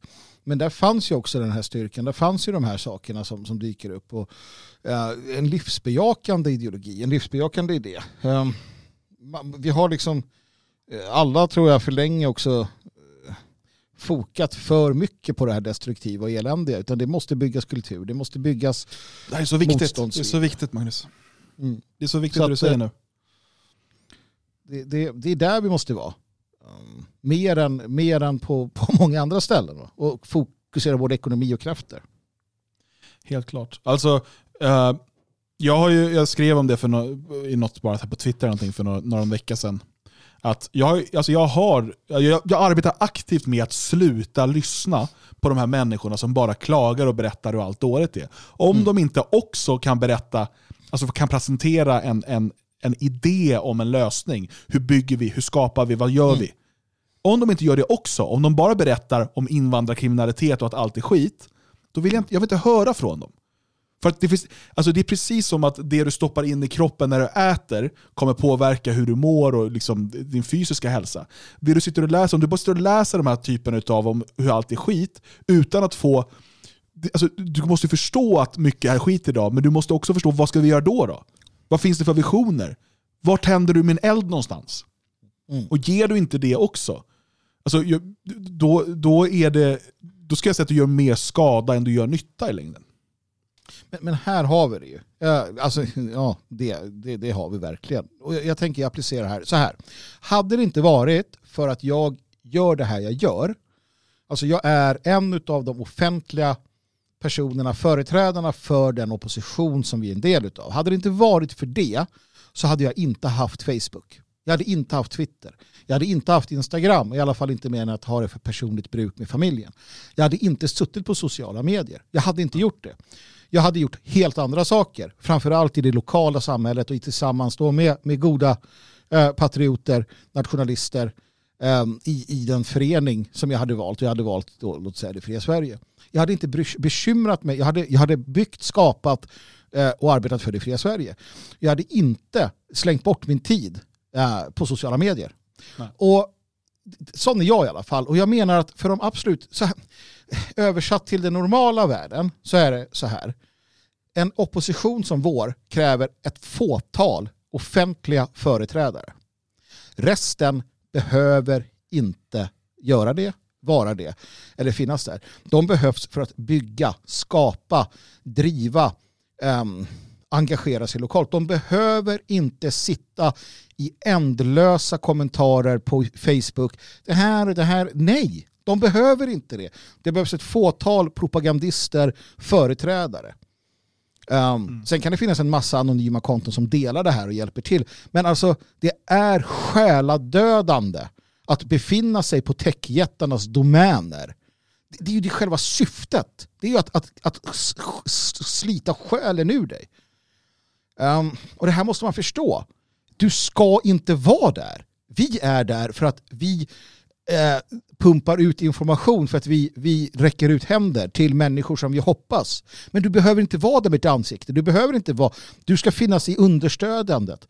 Ett fåtal personer behöver vara där. Det, det är liksom, du ska ägna dig åt att, att skapa det fria Sverige på din hembygd, i din hemort, eller här, eller var. Det är alltså, jag vet inte, kommer jag, lyckas jag förmedla vad jag Ja, alltså precis. Um, bara så man inte missförstår. Uh, du kan ju vara med och amplifiera budskap och så vidare, så som du säger, sprida dem. Uh, det är en sak. Men för de allra flesta måste man ju säga att det är bättre att vara anonym och göra det. Uh, ja, och verkligen. se till att du kan fortsätta arbeta inom det samhälle som vi ändå föraktar. Men mm Alltså, an, antingen för att du kanske kan tjäna mycket pengar som du sen kan investera i liksom ditt mannaförbund, i, um, i ditt Svenskarnas hus eller vad det nu än är. Um, eller liksom skapa en bra situation för din familj, icke att förglömma. Um, eller för att du kan få uh, ha viktiga positioner inom samhället som kan komma till stor nytta för oppositionen. Mm. men det omöjliggörs ju om man, inte, alltså om, man, om man kastar sig ut med huvudet före. Då, det som är viktigt är ju att se till att de människor som man tycker är bra företrädare för vår sak, att se till att göra deras arbete så lätt som möjligt genom att liksom understödja dem på olika sätt. Men, jo, men framförallt, mm. framförallt om man är lite nyvaken så är det väldigt lätt att man verkligen vill kasta sig ut och tala om mm. för alla att så här ser verkligheten ut, kolla vad jag har hittat. Det finns, vi har blivit lurade, hallå, titta på mig, hör vad jag säger. Uh, ja, vi har ju varit där. Eh, gör man det på internet så är det väldigt lätt också att man inte har satt sig in exakt hur lagstiftningen fungerar och att man, eh, ja, man blir lagförd. Man, blir, man får en prick i registret, bötesstraff eh, första gången. Nästa gång kan det bli fängelse för att man säger något som är självklart som egentligen är helt sant men som samhället inte accepterar av olika skäl. Så anonymitet är ju helt klart väldigt viktigt om man ska ge sig ut eh, i, mm. i, sociala medier. För att de finns där och tittar och bara väntar på att få sitta och anmäla. Och, och Precis, och varför, en viktig, en viktig poäng här också, eh, så att ingen heller miss, missförstår det, eh, att man inte ska liksom spendera eh, all sin vakna tid på att konsumera domedagsnyheter och så vidare. Det är ju för att den tiden ska du istället lägga på att organisera dig, Mm. framförallt lokalt, men även på större nivå om du har möjlighet. Se till att gå utanför eh, det här nätet som är ett verktyg. Och Det är det här som jag tycker folk får glömma bort. Nätet är ett verktyg för att vi ska kunna kommunicera och nå ut. Precis som att flygblad, eller tidningar eller megafoner är verktyg för att få ut våra budskap. Men det är inte målet. Målet är inte internet. Och om du bara håller på med internet så kommer du bara skapa mer internet. Utan du, se till att eh, använd det som ett verktyg. Men om du inte gör någonting utanför nätet, då är det nästan bortkastat. För att du behöver organisera dig, du behöver leva som eh, ett exempel, som, som en förebild för andra män och kvinnor i din närhet. Eh, beroende på liksom vilken ålder du är, se till att gifta dig, bilda familj, skaffa barn. Eh, se till att eh, vara den bästa på din arbetsplats, se till att vara den bästa i din skola och så vidare. Den bästa grannen. Eh, och fungera som den här eh, fyrbåken helt enkelt. Men, men det är ju här, här kommer ju skillnaden in alltså. Du ska inte du ska inte eh, eh leka liksom eh, klandestin, eh, anonym typ i ditt närområde bland dina kamrater och vänner eller på din arbetsplats. Alltså, du ska vara en, en, en nationell bra person Eh, som gör alla de här positiva sakerna. Absolut. Och, där ska du liksom inte, inte gå omkring och gömma dig och inte ta diskussionen och debatten. Naturligtvis utefter ditt eget hur, hur det är möjligt. Alltså, vet du att du får sparken från det jobb du behöver för att försörja din familj om du öppnar käften, ja, då får du, eh, samtidigt som du ser dig om efter ett nytt jobb, då får du hålla käften. Såklart, alltså, du får inte vara dum här. Men det handlar ju om att, att kunna arrangera saker, trevliga, uppbyggliga saker på orten som stärker den, den svenska identiteten, det fria Sverige eller vad det kan vara. Det är en sak. Det andra är på internet som sagt. Och när man ser människor som, som, som, som har liksom hundratals poster um, som, som liksom bara förmedlar och bygger mer internet. Det, det är lite som att, ofta i en ekokammare också för den delen, det är lite, uh, tror jag, för de själadödande och sen sitta och ta, ta allting. Vi behöver ett antal personer som är de här företrädarna. Resten måste arbeta för att, att bygga lokalt. Um, uh, och, och det är det jag säger. Hade jag inte hamnat där jag har hamnat, då hade jag varit en av de som bygger lokalt. Jag hade inte engagerat mig i... Jag hade tänkt att det här sköter ju det här Svegot-gänget eller vad de får, de får göra det. Jag kan trycka dela. Det, det kan jag ha någon bottjänst som gör. Liksom. Jag, men jag bygger lokalt. Jag ser till att ha, ha liksom aktiviteter för ungarna i, i, i grannskapet eller vad det kan tänkas vara för någonting där man gör bra saker, armar folkdans eller strongman-tävlingar eller sånt som vi också försöker göra här i, i Elgarås. Men att man gör det, och då duger det inte att vara anonym utan då, ja, men det är ju den där killen på orten, han är ju nationell, det vet ju alla. En, en, bra, en bra kille liksom, eller tjej. Så det, man måste se skillnaden där. Men det här behovet av att vi behöver en miljon företrädare som alla ska då bli få måltavlor på ryggen och, och sådär. Nej, definitivt inte. Ja, Och jag, en, en viktig sak här Magnus, det är också för att vi måste, om vi kommer tillbaka lite till temat, för att nu, vi hoppade lite ifrån det. Eh, för att frågan är, varför ska man agera på det här viset? Mm. Jo, det är ju för den framtid som vi ser i Europa. Ja. Och, och jag, jag, jag vill ge min, eh, hur jag ser att det här kommer att utveckla sig. Och jag kan inte säga vad som händer exakt om fem år, eller tio år eller 50 år. Utan eh, ta det här för liksom en, en, en ganska grynig liksom vision av vad som håller på att ske. Eh, min kristallkula, ibland så är liksom inte helt glasklar, men jag kan se linjerna, jag kan se var, liksom, vart vi är på väg någonstans. Sen kan det ta en massa avstickare på vägen. Och eh, Det som håller på att ske i Sverige, i Tyskland och i många andra länder. Och eh, ju, alltså, ju, som du som lyssnare säkert vet så har jag ett stort nätverk av europeiska nationalister som jag har, om inte daglig så åtminstone veckolig kontakt med. Eh, ledare för partier och organisationer runt om i, i hela Europa. Och Framförallt i Västeuropa finns det numera nästan ett konsensus bland ledande nationalister.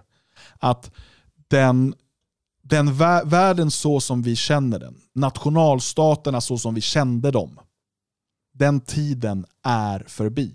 Tiden för att på parlamentarisk väg på något sätt skruva tillbaka den demografiska utvecklingen, Den tiden är förbi. Och Det betyder inte att vi ska ge upp, det betyder inte att någonting är kört. Tvärtom, insikten om detta gör att vi förstår vad som måste göras.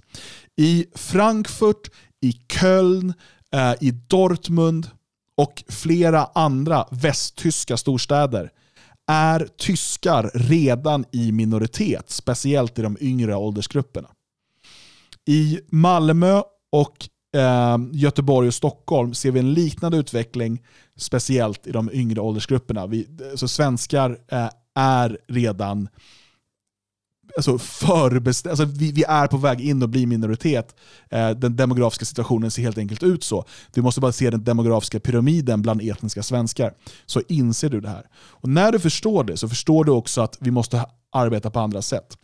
Det som kommer ske i Tyskland och det som är det som allt fler tyska nationalister nu enas runt, det är att långsamt, så, alltså så gott det går, bygga upp de här alternativa strukturerna för att i framtiden på ett eller annat sätt kunna frigöra sig från förbundsrepubliken. Om det är för att en, ett förbundsland eh, kräver eh, secession, om det är för att förbundsrepubliken förvittnar och inte längre kan upprätthålla våldsmonopolet och man liksom kan ta det på det. Det finns tusen vägar det här kan gå på.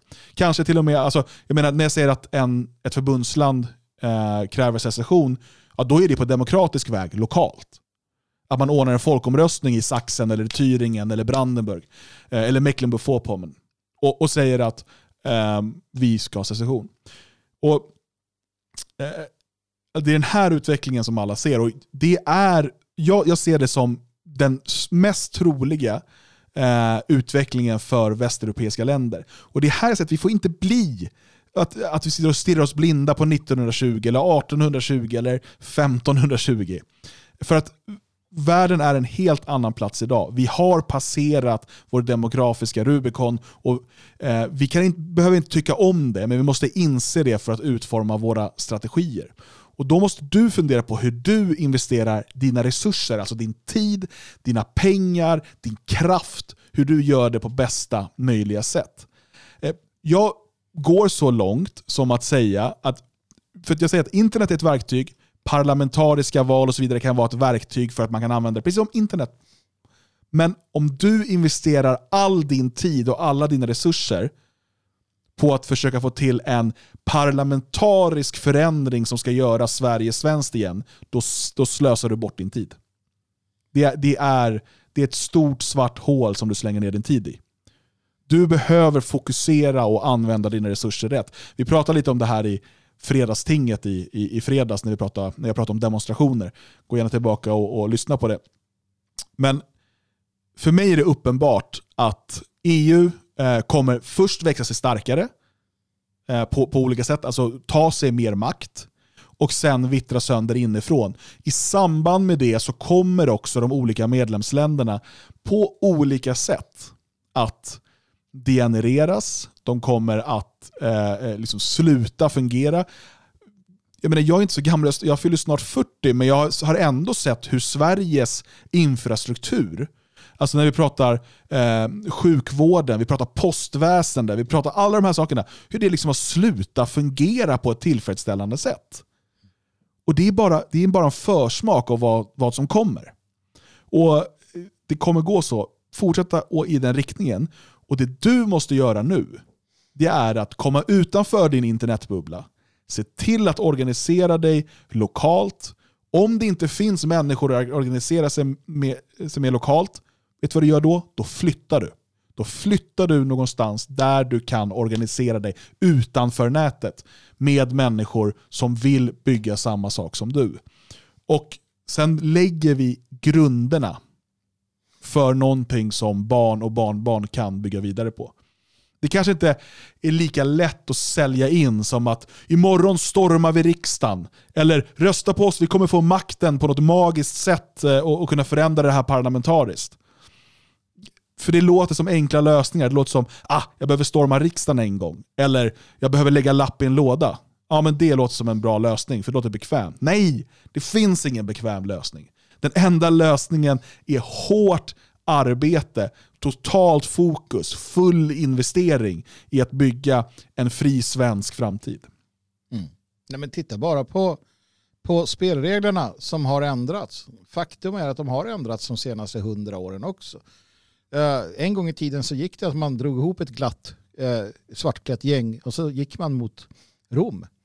Uh, det, det, det, funkar inte nu för tiden det är så mycket som har ändrats. Det, det, det, är en helt ny tid. Det är liksom atomåldern, eller inte till, till och med den har vi passerat. Det, de gamla lösningarna fungerar inte för dagens problem.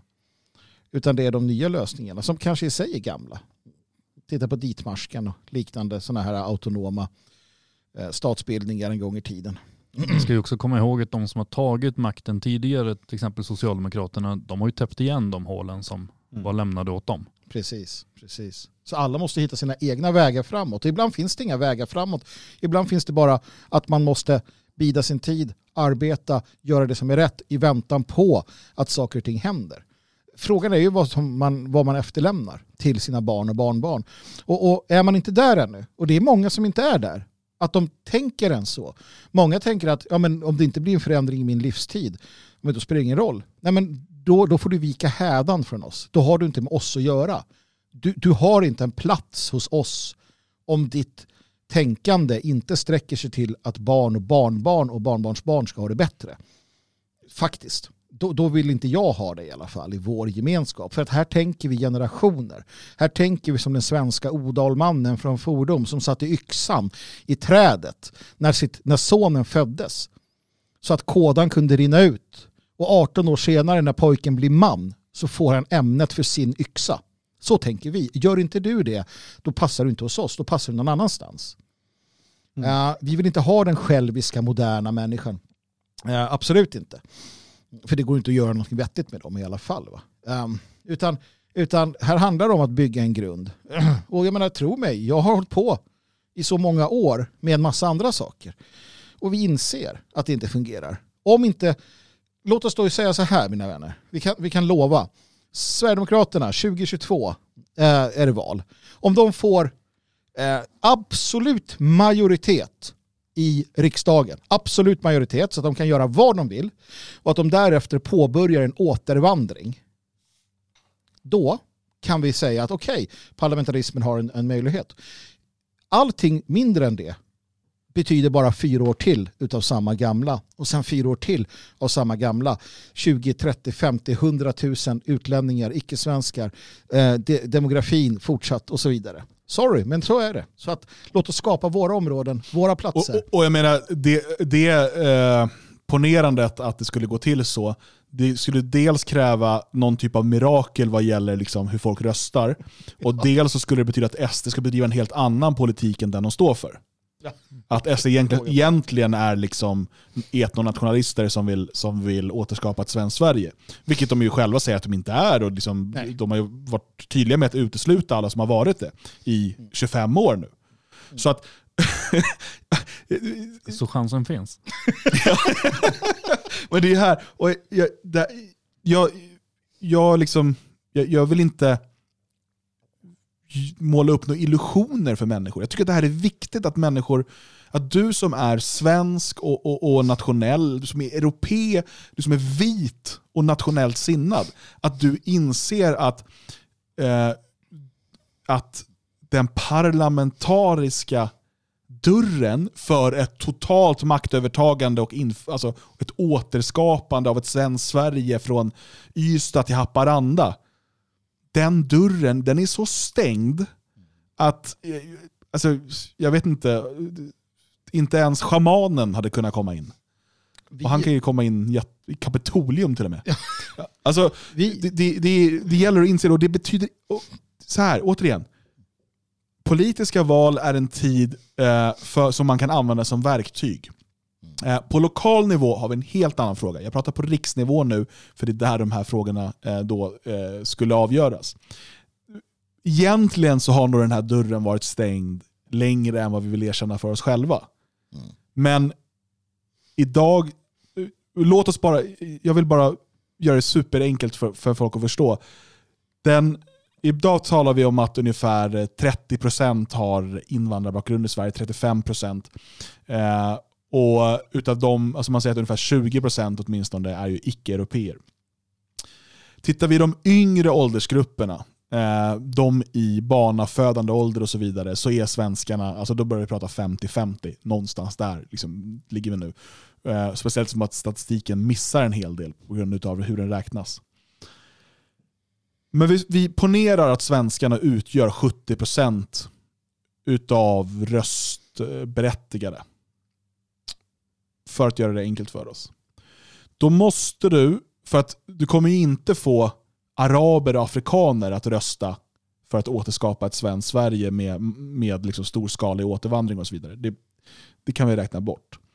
Så att bland de här 70 procenten behöver du övertyga, utav dem behöver du övertyga, utav svenskarna behöver du övertyga kanske 80 procent för att få majoritet. Så ungefär 80% av svenskarna, om det ska ske nu i det här valet, måste rösta på massiv återvandring. I förra valet var det eh, mindre än 1%. Man förstår var vi ligger någonstans i liksom eh, möjligheter.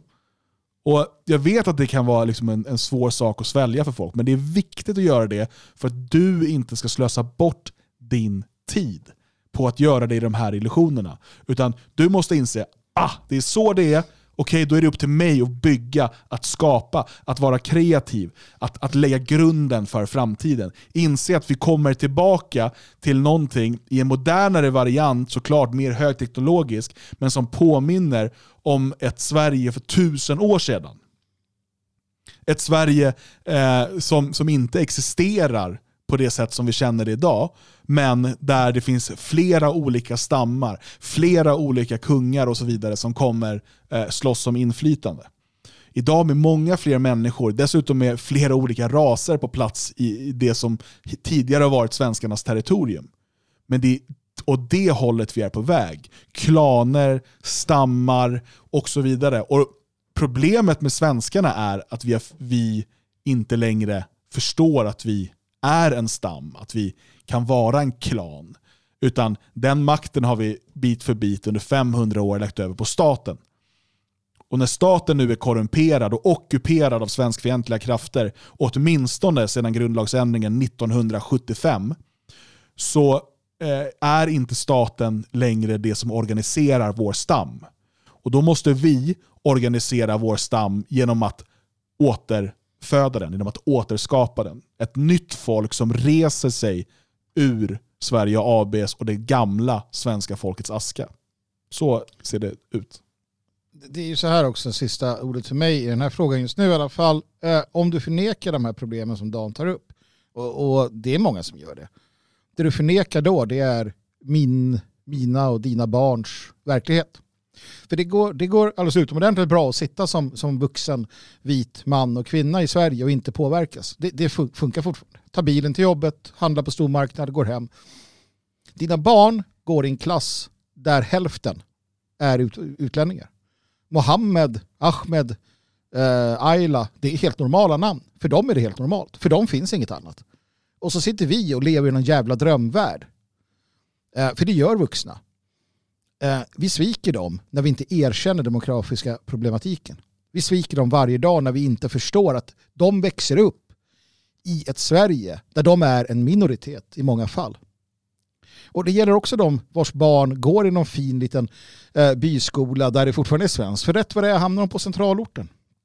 Och då vaknar de upp till en värld där, ja, ibland, i många fall, hälften är uh, utlänningar. Det är deras verklighet som, som vi då sitter och förnekar när vi drömmer oss till något helt annat. Och det får vi inte göra. Vi måste förstå demografin. Vi måste förstå sanningen och verkligheten och förstå att dina barn går i skolor, lever i ett samhälle som är så långt ifrån vad du själv växte upp i.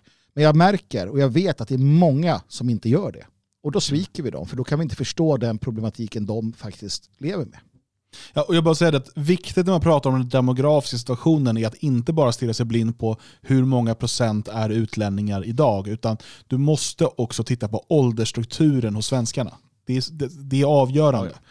Och när du ser det, när du ser den upp och nervända pyramiden, så förstår du. Alltså, vårt problem i Sverige har faktiskt inte främst varit massinvandringen, även om den såklart har hjälpt till, utan vår total, vårt totala kulturella förfall.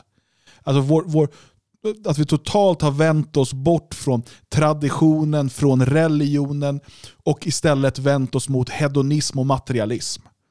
Och därmed kunnat ha sådana saker som fri abort, eh, p-piller, eh, skilsmässor som, som skjuter i höjden, eh, fokus på, på karriär för, för kvinnor istället för eh, familjebildande och så vidare.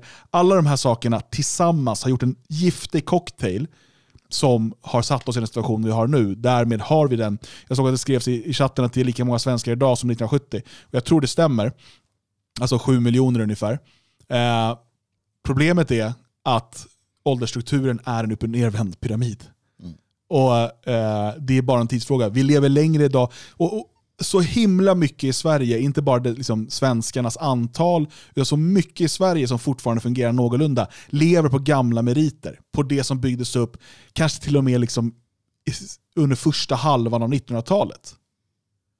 Och, och, och, som vi fortfarande liksom skördar frukterna av. Men det, det är på väg eh, ner i, i, i sank ordentligt. Har du något du vill tillägga Björn? Um, nej, utan uh, det, det, är väl väl sammanfattat det läge vi har. Man kan ju ta upp en sån som um, David Duke som faktiskt fick en majoritet av de vita rösterna när han ställde upp. Um, jag minns inte vilken delstat det var i. Louisiana va? Mm. Någonstans. Mm. Det var det. Uh, men uh, det var ju fler icke-vita som röstade så det spelade ingen roll. och det är först när det är många, många, många icke-vita som de vita vaknar till och man får en majoritet av dem. Men då räcker ju inte det. Mm. Så um, med det sagt, det är klart man, som vi sa, det är en väldigt liten sak att lägga en lapp i en låda. Så det ska man ju fortsätta göra. Eh, mm. För det tar ingen energi att göra det. Men man ska ju inte sätta allt hopp till det. Mm. Utan vi måste, vi måste finnas i en verklighet som vi har omkring oss. Mm. Ja, det, det är superviktigt. Och, uh, den framtid som jag ser för Europa uh, kräver, kräver att vi som vill ha en vit framtid, en svensk framtid, att vi organiserar oss utanför nätet. Att vi gör det långsiktigt, att vi gör det tålmodigt, att vi gör det smart. Och eh, Om vi inte gör det, om vi bara går och sitter och, och antingen gnäller på nätet eller om vi går och hoppas på mirakel. Det enda vi gör då är eh, att slösa bort resurser som hade kunnat användas till att lägga grunden för någonting. För varje dag som du väntar med att organisera dig, varje dag du väntar på att ta det här viktiga steget, eh, är en förlorad dag för det nya Sverige, det nya fria Sverige som ska växa fram. Och Det, det är den insikten om att eh, liksom, det, det, är inte någon mening med att sitta och vänta och tro att ah, men det kanske löser sig ändå. Jag, jag har hört det här. Jag, jag har varit engagerad eh, kortast tid av oss tre, men ändå i 20 år snart. Och eh, jag minns alltså, alla de här samtalen med folk på gatorna. Så här, jo, ja, nej, men det är för mycket invandring och det funkar inte och sådär. Eh, men eh, jag ska rösta på sossarna för att de kommer inte låta det här liksom, de kommer inte låta det gå för långt. Alltså det där det kommer ju ändras nu. Det, eller så här, men nu det är ju Göran Persson nu, eller det är Reinfeldt, ja, men det är Löfven. Liksom. Det där kommer lösa sig.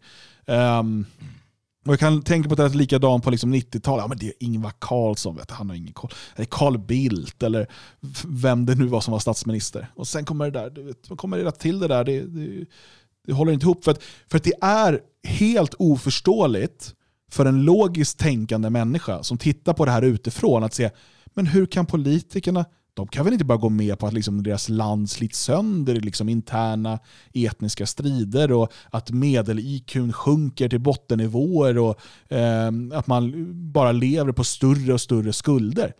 Det, det, det verkar ju jättedåligt. För att politiker, det blir man väl för att man vill väl och att man vill man vill på något sätt eh, stå i sitt folks tjänst. Alltså, jag förstår att om du inte har satt dig in i det här så verkar det helt oförståeligt. Och därför, ja, till slut måste de ju reagera och göra något åt det. Har vi dragit över på tiden lite? Ja, det har vi säkert gjort. Men det, det kan behövas ibland. Ja.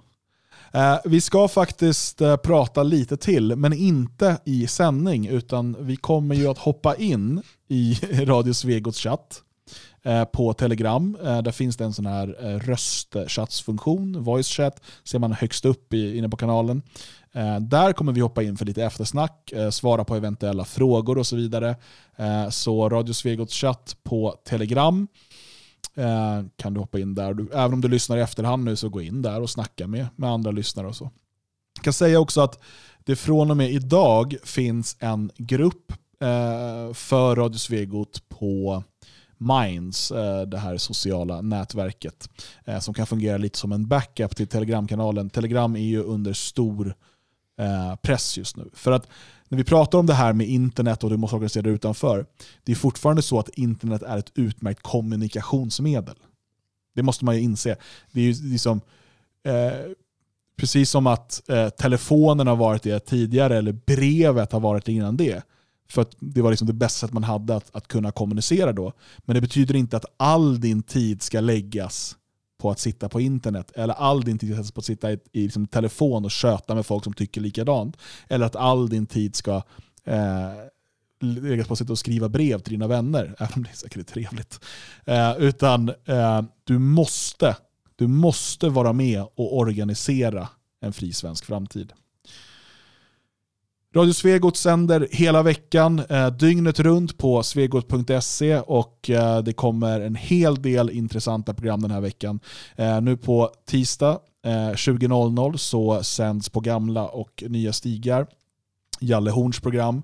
Eh, och eh, på onsdag är det dags för det tredje avsnittet av veckans hädelser som sänds live på svegot.se. Och Eh, det är då Ludvig Delin och eh, Frodi Midjord. Eh, på torsdag 20.00 så sänds Passningen, Sveriges enda politiskt inkorrekta sportpodd. Och på fredag 20.00 kommer Fredagstinget. Och dessutom tisdag, onsdag, torsdag 08 till 10.00 så är det Sveriges enda nationalistiska morgonradio med Björn Björkqvist och Ludvig Delin. Så att lyssna på svegot.se se helt enkelt. Och eh, Tycker du att det är viktigt det vi gör? Tycker du att det är bra det vi gör? Tycker du att vi ska kunna fortsätta utveckla den här verksamheten? Gå in på svegot.se plus och eh, teckna en prenumeration där för att eh, stötta oss månadsvis eller årsvis eller vad som nu passar för dig. Och eh, vet du inte än hur du ska organisera dig, hur du ska få kontakt med andra nationellt sinnade i ditt närområde, gå in på detfriasverige.se, lös ett medlemskap, då får du tillgång till vårt, eh, vår interna medlemsportal Fria Svenskar. Eh, och där kan du gå med i din länsgrupp och börja kommunicera med folk som bor i närheten av där du bor. Mycket spännande saker är på gång, eh, så se till att hålla utkik på svegot.se. Läs tidskriften nationalisten.se och organisera dig på detfriasverige.se. Jag kommer vara gäst i Vita pillret den här veckan, som är en annan podcast som inte publiceras på Radio Svegot. Men jag kommer använda den till att berätta om två stora, skulle jag säga, och intressanta nyheter om det fria Sverige vi liksom lägger ut nyheter på andras program. Det är, det är en strategi som inte många känner till. Nej, eh, så att lyssna gärna. Det programmet kommer väl ut på fredag, torsdag eller fredag antar jag. Eh, så att eh, missa inte det. Nu tackar vi för oss och önskar en fortsatt trevlig vecka.